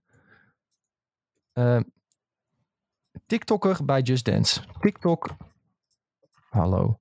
TikTok bij Just Dance. Dus Addison Ray of eh, wat is andere populair? Charlie D'Amelio. Charlie D'Amelio die eh, te zien is bij, eh, bij Just Dance. Ja, het is, is een inkoppertje jongens, maar eh, je verwacht het niet. Zeg maar, worden die presentaties vanuit LA opgenomen? Volgens mij worden ze van Dat- tevoren opgenomen. Nou ja, ik denk, misschien doet Ubisoft misschien eh, niet wat internationaals. Of iets Frans doet- en iets doen ze het vanuit Canada? Dat kan ook. Canadees misschien. Maar ja, Ja. misschien, ze willen natuurlijk wel een mooie zaal hebben. Maar in maar ieder ja, geval, die, screen- mensen die, wonen in, eh, die mensen wonen in LA. Dus eh, ja, En ja, die vliegen even over een dag en dan nemen ze zo'n TikTok hier op en dan worden ze weer teruggevlogen. ik acht het goed mogelijk in ieder geval. Oké. Ik zet eh, deze ook gewoon er alvast in. Eh, we hebben het al honderdduizend keer over gehad. Maar Fallout New Vegas 2. Of in ieder geval iets wat daarop lijkt. Oh, Van- maar wat, wat lijkt er dan op? Eh, een samenwerking tussen. Bethesda en eh Obsidian Obsidian. en Fallout. Dat, dat is in feite wat het moet Oké, zijn. ja, oké, oké. Ja, Dus het mag ook Fallout 5 zijn. Ja. Eh, als het door Obsidian gemaakt is wel, ja. Anders Oké. kan het niet. als het een samenwerking ja. is tussen Obsidian en Bethesda. Dan, eh, dan telt die, vind ik. Ehm, de volgende in de lijst was Just Dance met TikTokkers. Nou, die hadden we al eh, net even in de lijst geplant. Ehm, en nu een hele optimistische zie ik hier staan, jongens. Mario, Mario Kart 9. Ja joh, gewoon als eh system seller erbij. Mario Kart 9, ja. Het is, eh, Mario Kart 8 ver- verkoopt nog steeds heel goed. Dus waarom Ja, dat zou je is wel 9 waar, ja. uitbrengen? Maar goed, dan zet ik eh, deze ook. Hebben net al... zeven jaar geleden dat die uitkwam. Dat wil ik nog even bij vermelden. Zeker, dat, kan, dat is toch onge- ongelooflijk. Ja, Die game verkoopt nog steeds zo bizar goed ook. Dan zet ik rechtsonder nog eventjes. eh Metroid Prime 4 hebben we het net ook al ruim over gehad. Why not? Moeten we dan ook meteen Bayonetta 3 daarbij zetten? Dat is toch een beetje zo'n samen dingetje Ja, dat tegenwoordig? vind ik wel een slash waard. Die mogen Ja, maar allebei. dan, maar dan, is, ja, of dan is het een slash als in het is de een of de ander, zeg maar. Ja, dat vind ik ook goed. Ja, dat is beter. Oké. Heb ik erbij gezet. Dan Lekker. eh, nog eventjes snel Nintendo Switch Pro.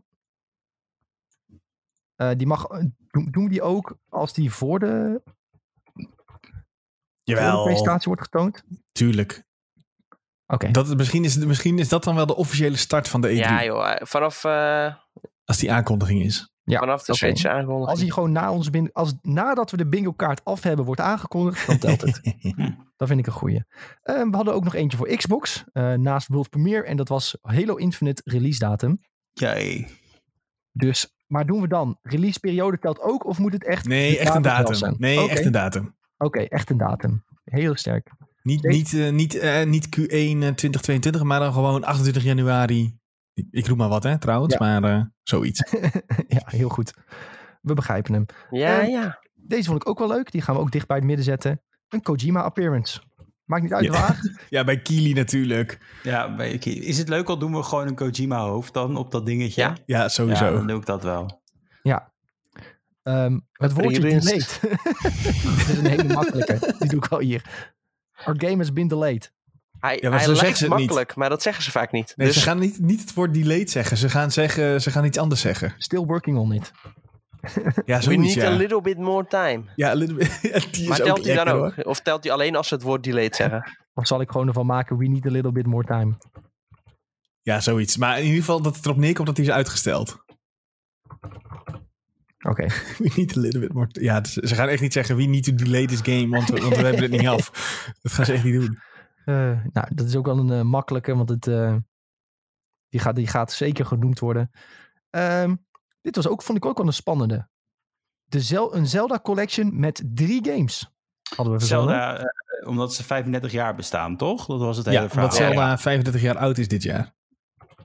Nou, een beetje Dat vind ik wel een gewaagd hoor, moet ik zeggen. Nou ja, maar er zijn wel heel veel, heel veel geruchten erover. Maar het zijn allemaal fanspeculaties natuurlijk. Dus is dat dan, dat is niet een insider gerucht, maar meer Nee, maar van kun- alle fans denken van ja. Kunnen zij niet beter alles los remaken? Daar krijgen ze veel meer geld voor. Ja, maar ze weten ook dat, ze, ze hebben gezien met Mario dat het werkt in feite. Want dat verkocht Ja, ook dat als zoete broodjes. Ja, dat is waar. Dat is waar. En dan ook weer tijdelijk. Dat je het eh, drie maanden kan kopen of zo. Voor drie dagen te koop. Voor, vijf, Zo, vanaf voor, nu. voor drie keer 35 euro. Hebben we zoiets er ook bij. Het is vanaf nu beschikbaar. Je ook nog erin zetten. Ik heb nu alvast erin gezet Ubisoft Star Wars game. Ja, ook gaan we gewoon lekker door, eh, inderdaad. Dan, dan, dan, dan Hebben jullie haast, jongens? Wat gebeurt Ja, er? ja, voor- Wat, wat we- hebben jullie we hebben nog maar twee met? minuten. Nou ja, Nee. Ja, dan... eh, vijf minuutjes extra pakken. Ja, heel daarom. Ubisoft Ja. Star Wars game heb ik er neergezet. Zo, maar moeten we dan bij... Moeten die nog eh, zeggen dat het bijvoorbeeld over Mandalorian eh, gaat of iets anders? Nee, ik zou hem Nee. open houden. Ik, Ik denk überhaupt al dat hij niet komt. Dus eh, Zo. Ik vind het ook vrij vroeg eh, om eh, daar al over te hebben. Dus dit is een... eh, maar gaan we wel Indiana Jones zien bijvoorbeeld? vind ik misschien ook wat vroeg. Dat is te Jawel, vroeg. een eerste tease, jawel. Ik denk nee, wel. die tease is er al, toch? Ja. De, de, Ja, maar we willen toch wel, vanuit. wel iets uitgebreider een tease zien, toch? Ja, maar ze gaan toch niet... willen Beyond we, Good maar we and Evil krijgen 2, het niet. die game is ongeveer dood. Skull and Bones, eh, daar gaan ze wel van laten zien trouwens. Maar die eh, is 28.000 keer opnieuw begonnen en wordt nu eh, zo'n Battle Pass game, denk ik. Zet Dus gewoon dan- nieuwe Assassin's Creed erop. Dat is Nee joh, hou op. Dan, dan, eerder, dan gaan ze eerder eh, die Indiana Jones eh, laten zien. Nee joh, dat laten ze niet zien. Dat laten ze. Veerle zegt nog eh, Dragon Age 4, Hellblade 2. Ja, Dragon zijn- Age is EA, die zijn later toch? ja, I1 hebben we niet echt meegenomen in ons lijstje. omdat, die juli. pas in, omdat die in juli pas zijn. En dan duurt het zo lang voordat we onze bi- bingo kaart kunnen vullen. Game Hellblade Pass 2 vind ik wel een exclusive kan je erop zetten. Op de bingo kaart. Kijk, Dra-? Dragon Age kan natuurlijk Nou. wel bij Microsoft eh, voorbij komen. Omdat ze een dealtje hebben met eh EA Play. Ja, je die, first, Ja, ja, first, Microsoft heeft een deal on met Game EA. Pass of zo? Ja, first on Game Pass, zoiets. Ja, dat gaat echt, wel- ze gaan echt wel weer een gekke stunt gooien daarmee. Dus dat, First on Game Pass, oké. Ehm, dan heb ik, hadden we hier nog in het lijst staan eh, Ubisoft Mobile Game. Ja, sowieso. Ja. Die gaan... Ja, ik, ik, hoe erg het ook, ik, ik het ook vind om dit te zeggen. Dit is gewoon een gegarandeerde Dit, afkruismomentje. dit, dit is een- eigenlijk een gratis vakje. Ja, maar ja, die moet je ook bij hebben. Hè? World Premiere is ook een gratis vakje. Maar Ja, dat is waar. Ehm, we hadden hier in de lijst, Ubisoft heeft iemand in de presentatie die geen Engels kan. Ja, opschrijven? Ja. Het klinkt heel erg, maar dat, dus ze hebben altijd... Ja, ik, weet- ik weet niet ja, dit uit puur omdat het een Frans bedrijf is Ja, eigenlijk. precies. En die, hebben, die hebben, zetten nooit goed Engels sprekende mensen er neer. Eh, Kunnen ze Ja, ook niks aan doen, maar het gebeurt wel. Vaak, Ja, dat is wel grappig. Ja. Dat is wel hilarisch, ja. Vaak is het zelfs Ja. eh, de baas, maar die, eh, die, Guillemot. die zit er niet meer. Zijn neefje zit er wel, geloof ik. Ja, en zijn, en zijn broer en zijn, eh, en zijn zoon en weet ik het wat allemaal. Slecht eng. Ik eh, zet nog neer, wat is Starfield? Ja, Ja, lekker hoor. Bob die eh, zegt nog, insert, ik heb geen mobiele telefoon, Ubisoft. ja. Eh, Blizzard heeft gebeld. Oh ja, we hadden ook nog als quote, let's talk about mobile. Maar dat hebben we nu veranderd in, eh, Ja, in een iets andere. Ehm, First on Game Pass hebben we ook al erop gezet. Ehm, misschien eh, Fable Cinematic? Ja joh, doe eens Ja, gek. nee. doe eens gek. Precies. Fable Cinematic. Boom. Nu heeft Leuk, Capcom net een eh, ding aangekondigd. En daar gaan ze wat vertellen voor Resident Evil Village. Dus doen we gekke DLC of is dat te makkelijk? Ja Village makkelijk. Tales. Ja. Dat vind ik te makkelijk. Nee, maar je, het kan ook zijn dat ze juist de multiplayer gaan aankondigen. Toch? Want die moet ook nog komen. Ja, ja die Mhm. is al aangekondigd in principe. maar Hij, hij was uitgesteld, toch? Ja, dat Ja. ze de date aankondigen. Dus het is zou één wel van de twee. Een ultieme meme zijn als ze die gewoon opnieuw gaan laten zien. Ja, en Dat dat gaan, ze dan... dat gaan ze sowieso doen. hey, maar als Capcom komt, dan zetten we niet Mega Man erin. Dat is een wilde gok. Nieuwe Mega Man game. Hmm, Nee, we moeten wel gaan kijken, want onze vakjes zitten Hmm. daar vol. Ja, maar dan is het ook gewoon goed, toch? Nick is ook gewoon Ja. rustig zelf Elder Scrolls aan het invullen. Ja, ik had, we hadden deze in de lijst staan. Eh, Dat ze zeggen over Elder Scrolls 6, we werken eraan. Ja, meer Dat niet. is- ja, ja, meer nee, dat was toch zelfs. We hadden toch specifieke bedacht dat eh, onze grote vriend het podium op kwam lopen. Ja, we hadden opgeschreven tot Howard teleurstelling. Ja, precies. Dus Todd Howard die komt eh, oplopen en iedereen. Oh, Elder Scrolls. En dan zegt Dus hij, ja, Todd we werken Howard- er. Met een teleurstelling.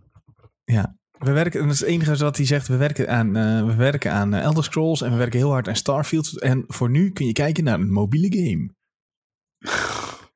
Nou, dan gewoon Fallout 76 DLC of zo. Tot. Howard met een teleurstelling. We hadden ook nog opgeschreven, maar die hoeven we niet toe te voegen. Skyrim komt naar een nieuw platform. ja, naar, de nieuw, naar die nieuwe Switch Pro. Nee. Ja, ja, ja, ja, ja. Nee, nee, nee. nee. En een kleine next-gen console update.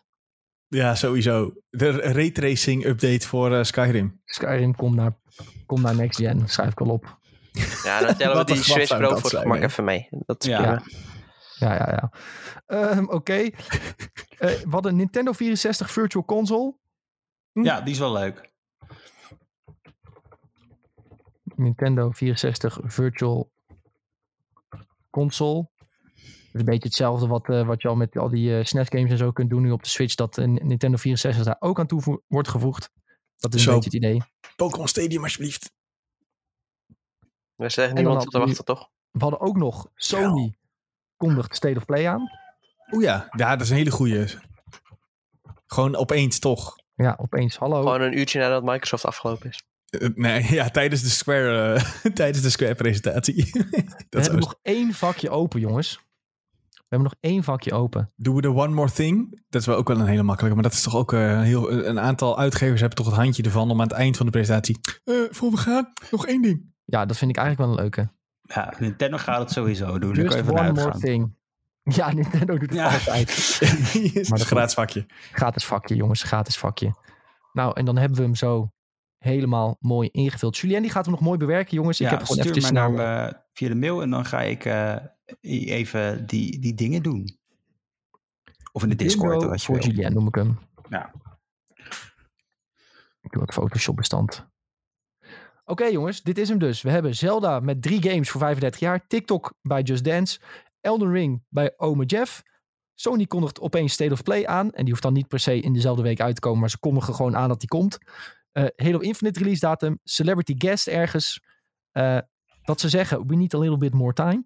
Eh, de N64 Virtual Console, Breath of the Wild 2 gameplay. Een UB mobile game. Mario Kart 9 first on Game Pass. Dat ze dat zeggen. Ehm, en dat ze bij Xbox zeggen World Premiere. ehm, dat Kojima ergens te zien is, mogelijk bij Ome Jeff. Eh, een Yubi-presentatie met slecht Engels. Ehm, de zin Just One More Thing. Nou, die verwachten we ook onder andere al bij Nintendo. Tot Howard die het podium opkomt met een teleurstelling. Mogelijk ESO 6. Fallout New Vegas 2. En dat is een, best een beetje verkapt als, eh, nou, zoals we net uitlegden. eh, een Fable Cinematic trailer.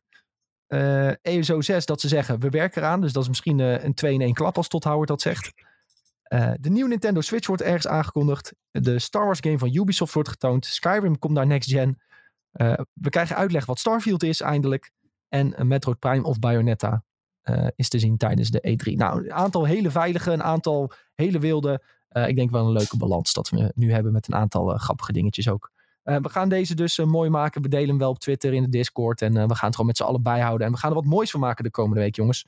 We hopen dat jullie erbij zijn. En ja, en dat jullie bij IGM blijven tijdens de E3-periode. Want wij hebben er ontzettend veel zin in.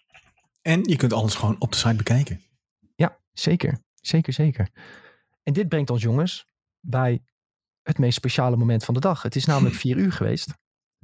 En dat Oeh. betekent dat wij het eindelijk mogen hebben met jullie over Ratchet Clank Rift Apart. En Sven, misschien kun jij even uitleggen wie hem heeft gereviewd en welk cijfer Ja. er is gegeven. Ja, ik had hem net, want ik was stiekem al even aan het kijken of alles goed online was gekomen. Want eh, de review mag inderdaad online. En voor ons heeft gespeeld eh, Rick Otte. En dat is eh, een redacteur die ongeveer alles speelt wat los en vast zit. Ik, misschien, ik, durf, ik durf te zeggen dat hij de redacteur is die het meest game bij ons op, nou niet op kantoor, maar voor ons. En hij heeft het een 8,5 gegeven.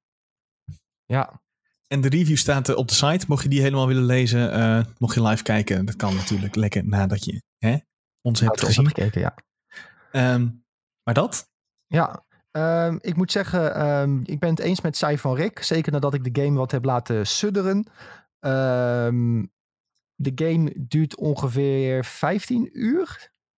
Zeg Ja, dan heb je, dan heb je direct de platinum. da- dan eh, neem je het ruim. Dan heb je hem op, eh, Ja. ja. inderdaad, platinum. Ik heb gehoord dat het veel 15 uur, sneller ja. kon.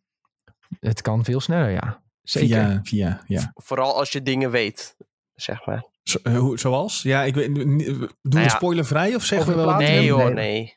Nou ja, ja, we gaan het verhaal natuurlijk niet te veel weggeven, Nee, want tuurlijk. eh, die moeten mensen nog spelen. Maar voor Platinum, dat vind ik niet echt een spoiler. Maar Nee, ja, je moet dus bepaalde collectibles verzamelen. Mhm. Eh, beertjes, cracker bears zijn dit. Ja. En, ik heb er eh, dus eentje gevonden tot nu toe. En ik, ik, ik, eh, moet eerlijk zeggen, Ah. ik ben nog niet zo ver als jullie twee. De grap is, als je weet waar ze liggen, is het heel makkelijk. Ja. maar als je niet weet waar ze liggen, Ja, is het heel moeilijk. dat is een beetje de grap. En nou, dat is het moeilijkste aan heel de platinum. Voor de rest is de platinum echt eh poepie simpel. Is het gewoon verzamel zo'n beetje alles in de game, speelt uit. En dan heb je eigenlijk de platinum al zo'n beetje. Ja, en je moet weten welke van tevoren welke wapens je een beetje moet levelen. Ja, dat eh, scheelt ook ontzettend veel tijd in het eh, behalen van het platinum. Want als je er op het einde achter komt van, oh, eh, ik moet nog eh, dit wapen naar level 5 voordat ik eh, die trofee kan halen, ja, dan Hmm. kan het heel lang gaan duren. Heb je Ja. niet daar een, een, een soort level trucje voor? Want ik weet toevallig dat er een arena in die game zit. Dat je lekker naar die arena gaat en daar gewoon dat wapen levelt. Ja, Nee. gaat wel hard mee hoor. Alleen dan heb je nog steeds ik had je- een plek gevonden dat veel sneller ging. Zo, zo share with me please. stoer. ja, die, ehm, nou ja, dat is niet per se stoer. Want Oh. ik merkte gewoon dat het daar echt super traag ging. Ja. En dus ik dacht van, ik ga naar de laatste planeet. Want daar krijg je ook meer XP voor de, voor de mobs die je Ah. killt. En daar heb je een plek. ehm, dat weet Tom misschien ook wel. Daar heb je zo'n soort lopende band. En dat is in de gevangenisplaneet. Daar Ja. heb je een soort lopende band. En daar staan iets van zes of zeven van die grote robots... die met die, van die spikeballen aan hun handen hebben. Oh ja, ja. Eh, En die komen dan, als je dan die kamer loopt, komen ze met z'n zes naar je toe vliegen. Dus dan kun je een rondje lopen om een paal. Totdat ze met z'n allen zes op elkaar staan. Dan, doe je, dan schiet je een paar keer, zijn ze dood. Laat je jezelf vallen in de grond en dan vlieg je terug daarheen. En zo heb je dat wapen in één keer geleveld. Ik hoor dat dit al een gekke, gekke level strats eh, zijn. Ja, maar het, is dus echt alleen maar nodig als je de platinum wil halen. En, Ja, dat, en dat specifieke wapen niet eh, Ja. hebt geleveld. Eh, dan Ja. is het handig. En voor de rest Ehm, krijg je bijna alle, nou ja, echt een heel groot deel van de trofies al puur door de game te spelen. Zeker, zeker. Ehm, dat dus gezegd hebbende, de platinum is echt ontzettend makkelijk. Ehm, ik denk als je de game hebt uitgespeeld, kijk nog even verder dan je neus lang is en haal gewoon die platinum als je dat eh, leuk vindt. Het voegt eh, wel wat toe, denk ik. Wat meer exploration, wat dingetjes uitvogelen. Ehm, mogelijk dat, wij, dat, eh, dat ik nog wel het artikel snel maak met waar alle beertjes liggen, mochten mensen dat willen weten.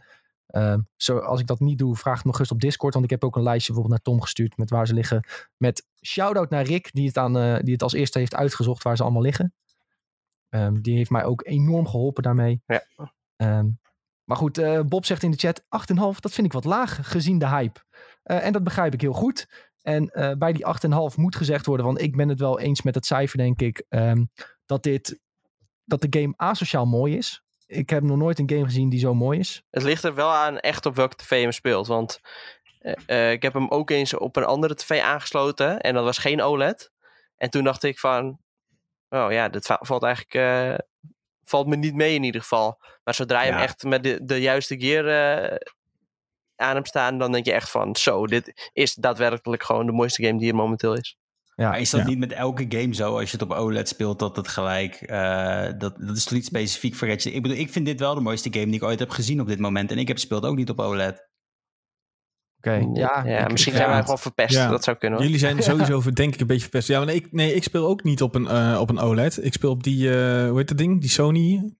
Zo niet? Sony? Ja, maar het is XC60 of zo, weet ik veel. Ja, zoiets. X, eh, XS60. X90, X90. Jij moet het weten. Jij hebt hem... X, nee, eh, ik, heb, ik heb gespeeld jij op hebt hem X90, X90J, dames en heren. Oké. Ehm, maar daar vind ik ook, dat is echt belachelijk mooi. En ik weet, ik heb dan nog niet de, de, de, de 60 fps raytracing mode gedaan. Hebben jullie die al wel kunnen spelen ook? heel Eh, eventjes, omdat ik wat moest opnemen. Maar dat, eh, Dat schijnt er wel echt een stuk minder uit te zien. Oké. Nou, er is dus een performance mode bron. uitgebracht. Ehm, en ja, die 30 fps stoorde me uiteindelijk niet. Zeker als je hem gewoon motion blur uitzet. Motion blur, Ja, dat, dat is wel een hoop. Ehm, dat had ik ook eh, naar Mark gestuurd uiteindelijk. Die zei van, ja, die, eh, ik ben echt verwend door 60 fps, zei die, weet je. Omdat opeens, Mhm. ja, opeens hebben console gamers ook 60 fps. Dat is natuurlijk heel gek voor ze. Ehm, dat snap ik allemaal wel. Ehm, maar toen, toen was hij een beetje verwend. Ik zeg, je moet motion blur uitzetten. En toen zei hij, oh ja, dat scheelt inderdaad al een hoop. Eh, en dat was ook wel zo. Ehm, voor mij, dus ik, de 30 fps stoorde ik me niet aan. Het is Hm. gewoon... Het is gewoon echt een ziek mooie game. Ik kan er, ik kan er niks anders van maken. De, je kan gewoon elk haartje op Ratchet en eh, Rivet hun, eh, hun huid tellen. En eh, ja, als je, als je van houdt dat een game er goed uitziet... en als je dat belangrijk voor je is... Ja, dan moet je dit halen. Ja. dan, Ja, dan zit dat wel goed. Maar Ik had ook toch vaak... gewoon... Oh, ja, ga maar. Dit is toch gewoon een perfecte zomergame. Het is gewoon lekker kort en krachtig. En, en het is net zo'n blockbuster, zeg maar, zo'n film. En, en Ja. je kan er lekker in knallen. En je, weet je, het, het speelt zo soepel. Het is alsof je met een mes door boter snijdt, zeg maar. Door warme Ja. boter. Ja, zo speelt dit het is, gewoon. eh, de, het, het beste van Ratchet Clank is altijd al geweest, denk ik, is de enorme fun factor van de game. De game neemt zichzelf niet te serieus. Het verhaal is altijd een beetje wacky. De wapens zijn wacky. De personages die nemen het allemaal niet, eh, niet te serieus. Ehm, en dat is gewoon... Ja, dat is gewoon de, de charme van de game altijd al geweest. En dat doet Rift Apart doet dat natuurlijk ook heel goed. Dus het is gewoon heel leuk om de game te spelen. Het is niet stressvol. Het is niet per se super moeilijk. Het is gewoon leuk om met al die verschillende wapens die tegenstanders af te knallen. En het is niet per se dat het ene wapen heel veel sterker is dan de andere. Ik moet wel zeggen dat er wel een aantal overpowered combinaties eh, tussen zitten. Ehm, maar ja, als jij met als je een wapen leuk vindt, nou, dan kun jij prima alleen maar met dat wapen spelen eh, als je dat wil. Ehm alhoewel je kogels wel een keer opraken, maar eh, ja, ik denk dat je wel begrijpt eh, wat ik bedoel. En elk wapen heeft zo zijn eigen speciale kwaliteiten. En ja, de, de kern van Ratchet Clank en wat het is, dat houdt Rift Apart echt heel mooi in stand. Ja, En het is heb, ook gewoon heel leuk om wapens te combineren. Ja. Je hebt bijvoorbeeld zo'n sprinkler en daarmee komt er dan gras op vijanden. Nou, Ja. en dan gooi je bijvoorbeeld eh, daarna zo'n eh Miss Fungal. eh, en dan staan er wat paddenstoeltjes omheen die automatisch schieten op die vijand. En zo is het gewoon heel leuk om verschillende combinaties te zoeken. Je hebt van die granaten waarmee tegenstanders bevriezen en ja, noem maar op. En ja, gewoon puur doordat het zo lekker speelt, dan maakt niet eens uit dat het niet, niet per se zo heel moeilijk is. Want ja, je hebt toch continu plezier met ja, het uitproberen van nieuwe wapens en eh, kijken tegen Ja. welke tegenstanders dat goed werkt. Ja, dat vond ik gewoon heel leuk. Ja. En het is ook heel, heel vet dat die cutscenes, ja, die zien er gewoon zo goed uit. Maar als die cutscene dan afgelopen is, dan heb je niet het idee dat die afgelopen is. Dus soms sta je even stil en denk je, oh, wel, ik moet alweer spelen. Ja, je mag weer zelf lopen. De, Ja, die, transitie is enorm. Ja, het is echt. eh, het is enorm goed. Het is enorm goed. Het is, eh, ik heb ook inderdaad heel veel combinatie gebruikt van. eh, tussen dus de, de sprinkler en dan inderdaad die, eh die. Die paddenstoeltjes die dan komen. En dan had ik ook nog die Doom Glove. Eh, ja, die is ook fantastisch. En die ken je misschien gewoon uit vorige Ratchet Clank games ook. En dan komen al die kleine soort piranha robotjes. Die gaan dan achterna. En ik had uiteindelijk die allebei op level 5. Dat is het hoogste level wat je wapens kunt geven. dan deed ik gewoon letterlijk, als ik zag van oké, hier is een rift waar uh, hele tijd uitkomen, dan zet ik die paddenstoelen ervoor en een paar van die robotjes en hoefde ik zelf niks meer te doen. Alles ging gewoon automatisch dood. Ja, die Doombots waren ook wel heel goed, ja. Ja, echt fantastisch. Echt een hele leuke gameplay. Um, ja, het verhaal is ook wel uh, op zijn Ratchet Clanks vind ik het wel sterk. Um, gewoon ja, goede humor. Uh, ze doen ja. het wel leuk met die andere dimensies. Ik vind Rivet heel leuk opgebouwd, haar verhaal. Um, zitten ook wel redelijk wat emotionele lading komt erbij kijken, maar niet, uh, niet overdreven of zo. Uh, wordt een, een andere, andere kleine robot wordt nog geïntroduceerd. Um, ja, ja dus zeggen, het verhaal is gewoon prima, maar niet ja. baanbrekend of zo. Nee, uh, dat is niet per se waar je, waarvoor je Ratchet Clank Rift Apart moet spelen. Ik denk echt dat je het moet spelen. één, omdat het echt nou, gewoon de mooiste game is uh, die er tot nu toe beschikbaar is. Uh, en twee, de enorme fun factor. Um, wat we ook nu zien in de, dit, waar we nu naar kijken, is trouwens de review van IGN US. Um, de beelden daarvan, want zij nemen altijd uh, mooie beelden op. Dus ik denk die pak ik er even bij voor de Twitch stream.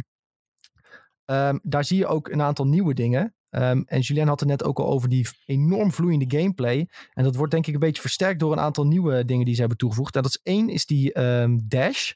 En die dash hebben ze toegevoegd. En het verhaal daarachter is dat je een beetje soort van tussen dimensies doorglijdt.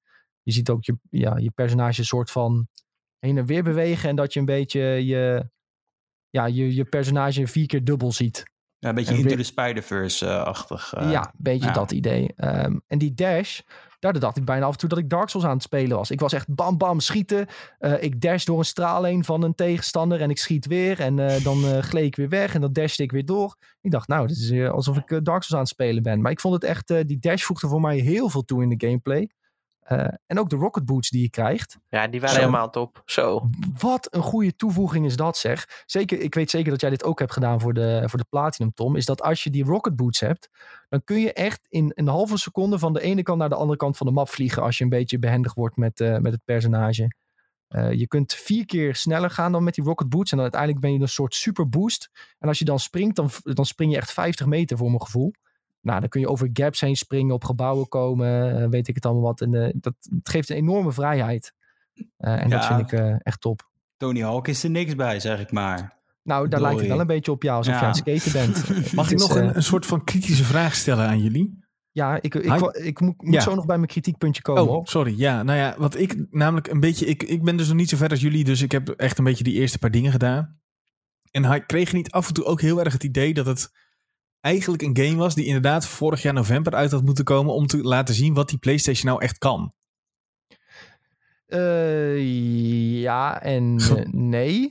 Um, ja, denk ik, omdat dit perfect laat zien wat de, waar de PlayStation 5 voor staat. Hè? Dus die SSD-elementen met heel snel levels laden. Je hebt bijvoorbeeld levels dat je op een kristal moet slaan en in één keer verandert, boom, heel het, uh, heel het level. Uh, dat is duidelijk kun, dat ze dat hebben kunnen doen dankzij de SSD.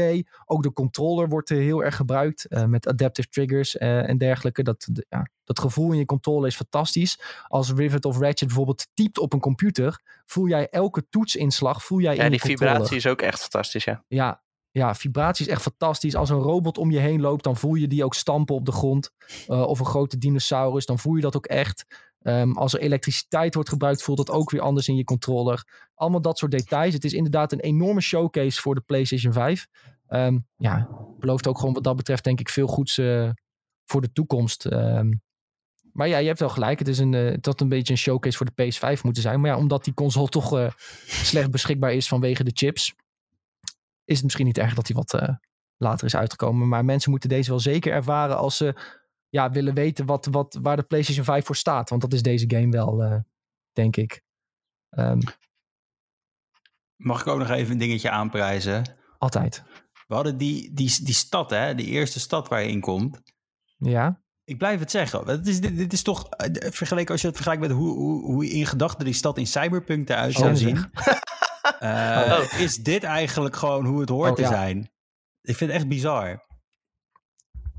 Ja. Ja, alleen het verschil is wel dat je bij Cyberpunk...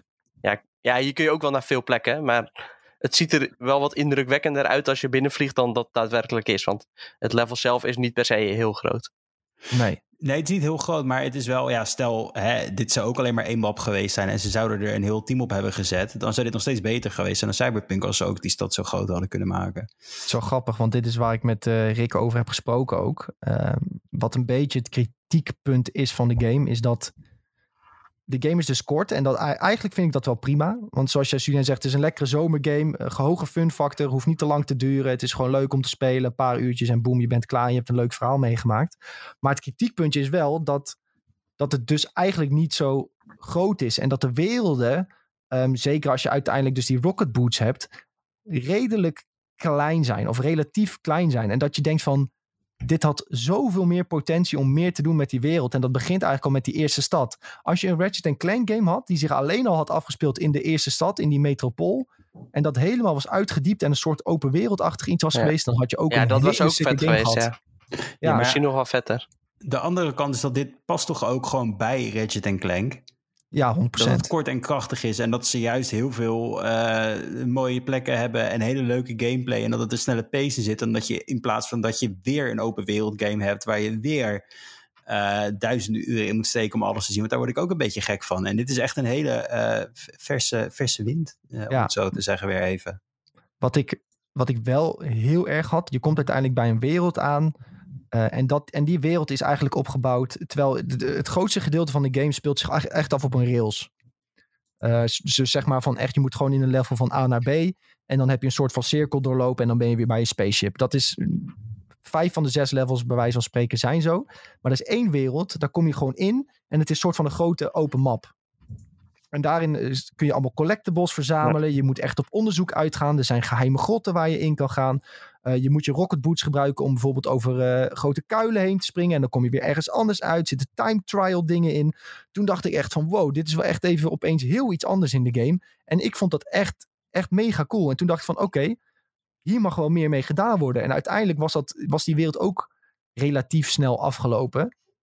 En dacht van, oh ja, ik wil wel meer, meer van dit soort open wereldstukjes. Dat vond ik eigenlijk wel cool. En toen de werelden die daarop volgden, begrijp niet verkeerd, waren echt stuk voor stuk fantastisch. Er is niet één wereld waarvan ik zeg, die stonden echt tegen of vond ik echt niet leuk. Um, maar dat open wereldstuk, dat ik echt vrij kon bewegen en zelf kon bepalen van oké, ik ga eerst dit doen en dan dat doen en dan ga ik daar iets halen. Dat sprak me heel erg aan. En dat is denk ik wel wat ik iets meer had willen en kunnen zien in de game. Ja, ik had dat eigenlijk totaal niet. Want ja, ik vond die open wereld open wereld wereld. die ja. vond, ik niet per se heel bijzonder uitgewerkt of zo. Het was wel even leuk om, om wat verandering te hebben. Maar ik had nou niet van, oh, dit werkt echt veel beter dan die wereld on rails. Want die werelden on rails waren voor mijn gevoel wel een stuk beter uitgedacht.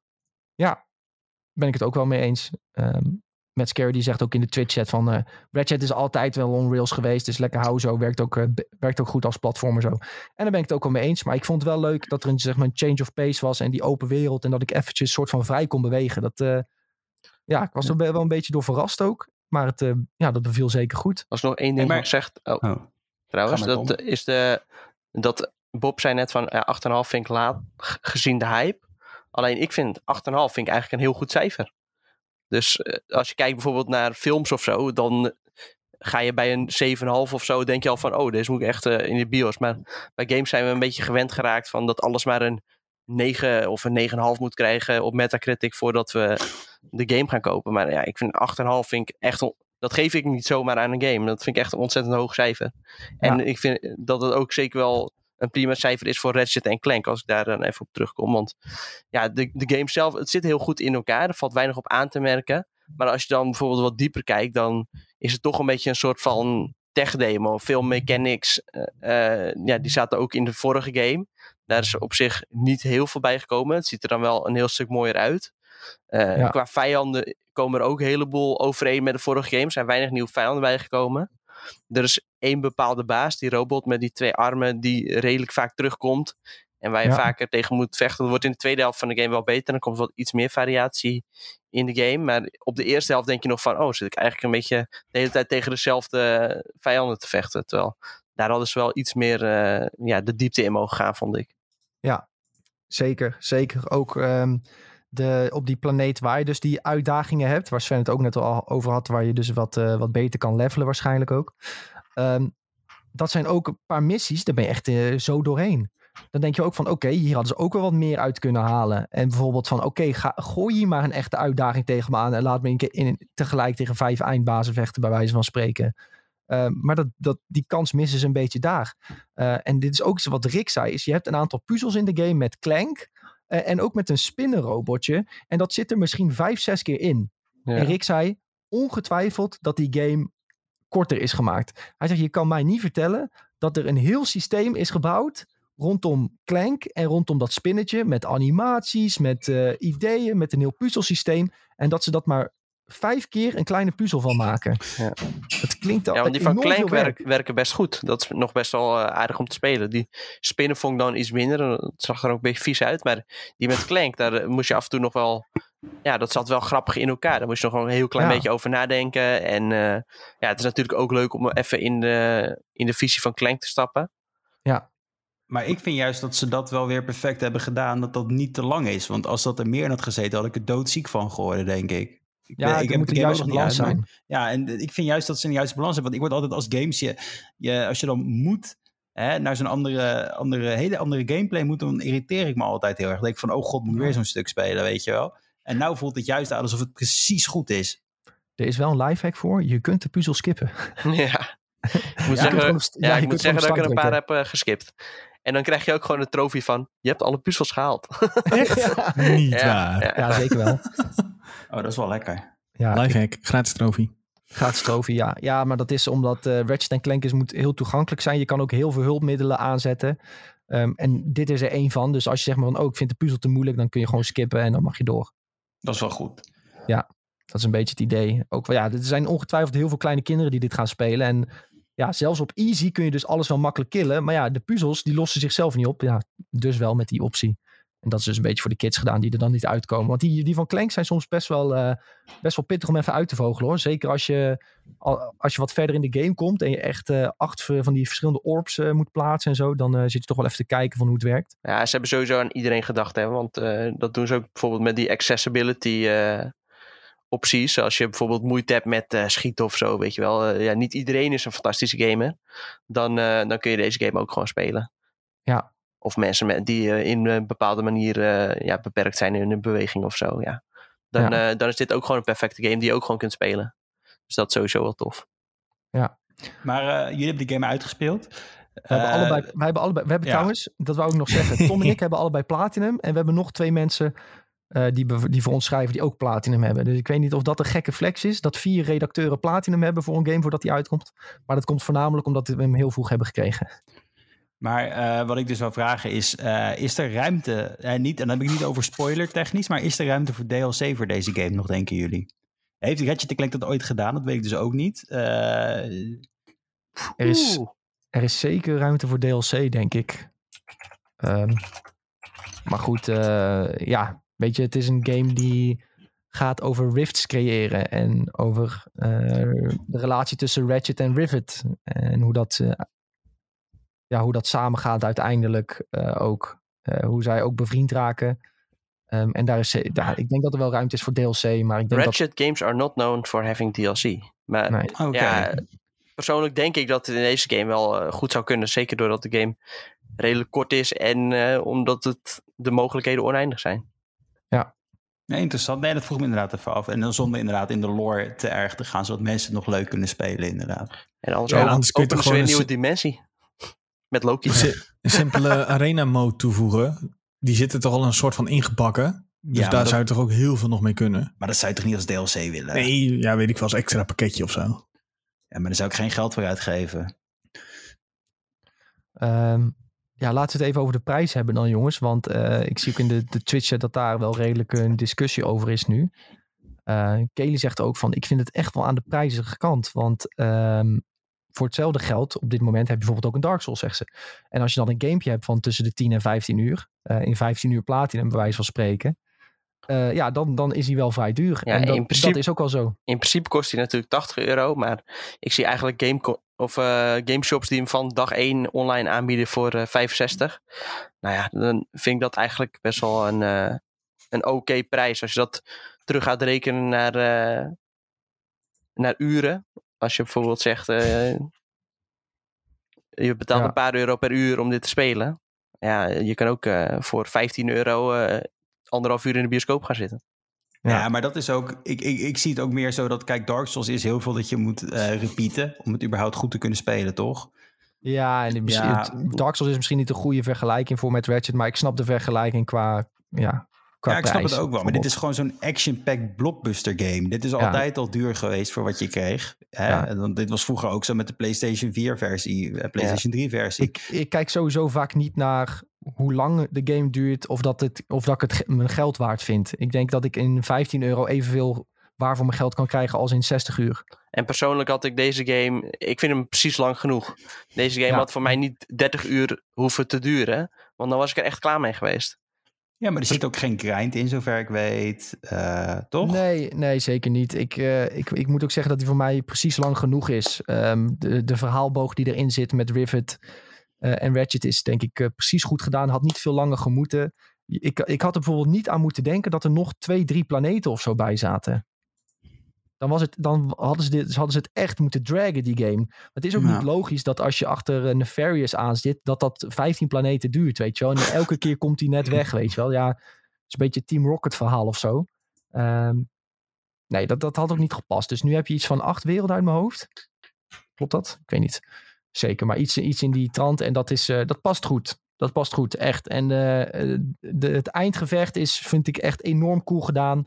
Ehm begin van de game zit ook goed in elkaar. Is erg leuk gedaan. Ehm, en iemand in de chat zegt ook, oh ja, Matt Scare, die zegt ook wel, er zit ook wel wat replay value in Ratchet Clank. En dat, dat zit er ook nog in. Als je nou zegt, oh ja, ik vond de game echt heel leuk. Dan zit er nog een challenge mode in. En daar is eigenlijk alles eh, sterker en moeilijker. En daar kun je dan ingaan met je, met je geüpgrade wapens en alle wapens die je hebt gekocht. En daar zitten twee nieuwe wapens in. De Pixelizer eh, en de... Shit, dan ben ik de naam kwijt. Zo, de, de bouncer? Nee, de Of- Bouncer die eh, krijg je al eerder. Rhino, eh, is dat, zit hij daar? Nee, de Rhino 8 die krijg je als je alle robotjes verzamelt. Oh, en de Rhino oké. 8, ja, daar is ook, ook veel over gesproken. Dat is denk ik het coolste wapen uit de game. Ehm, daarmee kun je zelf, daar schiet je mee op iemand. Dan komt er een rift boven zijn hoofd en dan valt er iets op zijn kop. Eh, en dat kunnen dus eh, dingen zijn uit oude PlayStation games. Eh, Sly Cooper is al voorbij gekomen, maar ook ehm, volgens een nieuw filmpje. Ik heb hem zelf nog niet gezien, maar een Thunderjaw uit ehm, Horizon Zero Dawn. Ja, je moet dus, eh schijnt die Rhino 8 moet je gewoon upgraden. En dan, eh, ja, sorry Sven, ik was even aan het typen.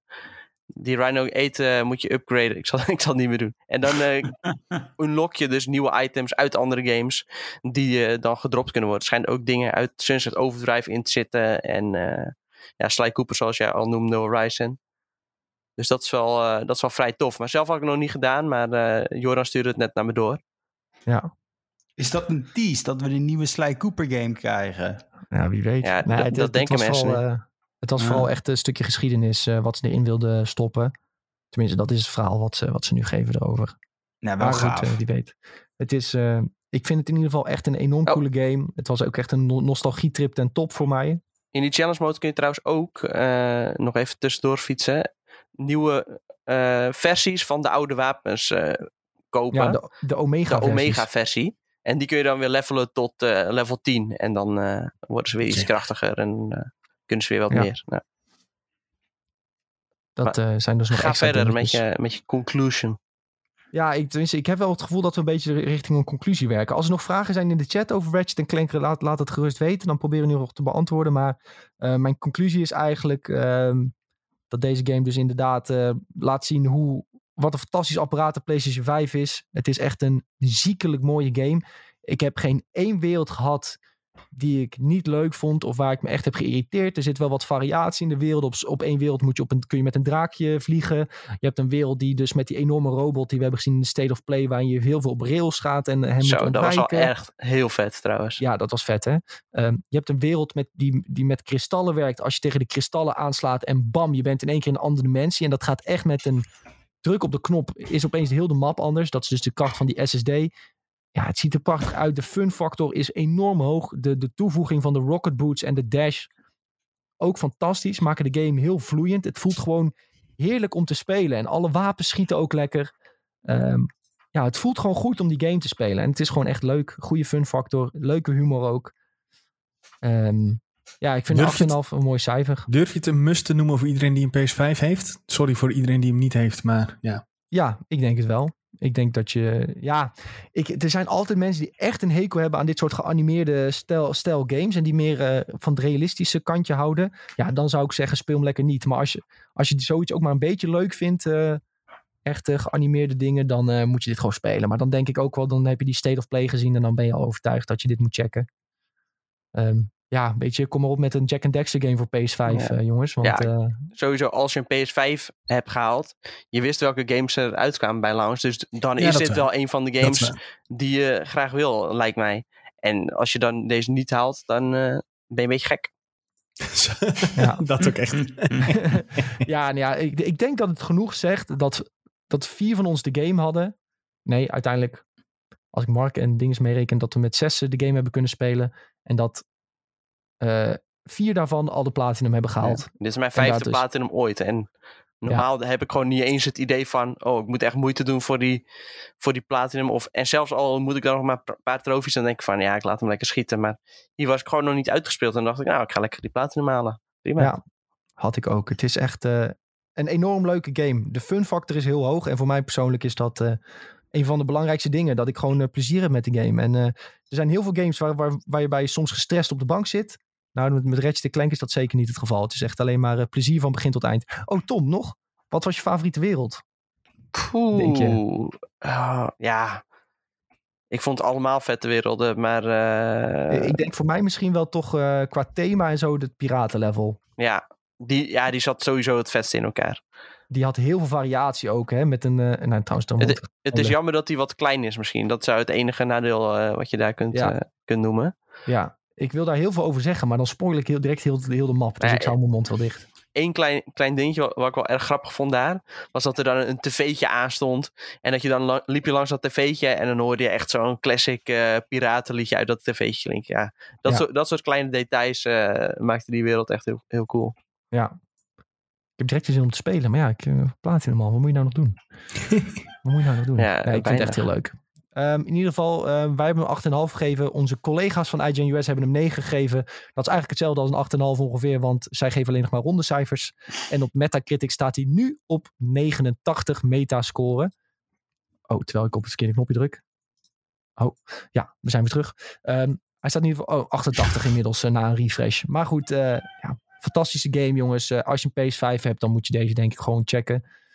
En ja, als je hem gaat spelen binnenkort, veel plezier. En wij gaan hem donderdag gaan we hem streamen. Ik ga hem streamen. Ehm, ik denk de challenge mode. Want ja, nee, daar ik denk zijn het we. niet, eh, Nick. Oh, denk je niet. Oh, Nee, ik denk, ik, denk, ik denk ongeveer het begin van de game, denk ik. oké. Sven, die heeft de, de- Sven die heeft de details van wat we mogen laten zien. Ja, ik denk, eh, be- ik denk ongeveer het begin van de game. Oké, het be- begin van de game kun je ook spelen in challenge mode, toch? ja, dat is waar. Ja, maar... Maar ik denk het toch niet. doe, doe maar niet. Oké, nou, we mogen dus niet alle wapens laten zien, neem ik aan. nou goed, dat eh, begrijpen we allemaal, jongens. Maar dat is dus een dagje voordat de game uitkomt. Gaan wij hem streamen, dat is op donderdag. Ehm, we hopen dat jullie erbij zijn, want dan maken we er een mooi dagje van. Eh, we hopen sowieso dat jullie bij IGN blijven de komende periode, want we gaan het heel veel hebben over de E3. Eh, vandaag ook weer uitgebreid over gehad. We zullen de bingo kaart zo snel mogelijk delen via Discord en Twitter. Kunnen we lekker bingo stempeltjes gaan zetten. Ehm, we gaan de presentaties eh, zelf niet livestreamen, want wij focussen ons voornamelijk op nieuws op de website zetten. Eh, dat is eigenlijk een beetje waar het om draait. Eh, maar we gaan alles wel weer bespreken. Natuurlijk in onze IGN Benelux podcast. Elke dinsdag vanaf ongeveer twee uur. Als de, als de tijd verandert, dan laten jullie dat weten via Discord en Twitter. Ehm, deze donderdag dus geen videotheek podcast. De week erop wel. Ehm, vergeet ik nu nog iets belangrijks om te melden? Ik denk het niet, jongens. Heel veel plezier met de E3. We hopen dat al jullie hopen, hopen wensen en dromen uit zullen komen qua game aankondigingen. Ehm, laten we hopen dat Jeff Keighley zijn best doet eh, en gewoon eh, Elden Ring en de Nintendo Switch Pro heeft. Dan eh, kan de komende maand eigenlijk al niet meer stuk.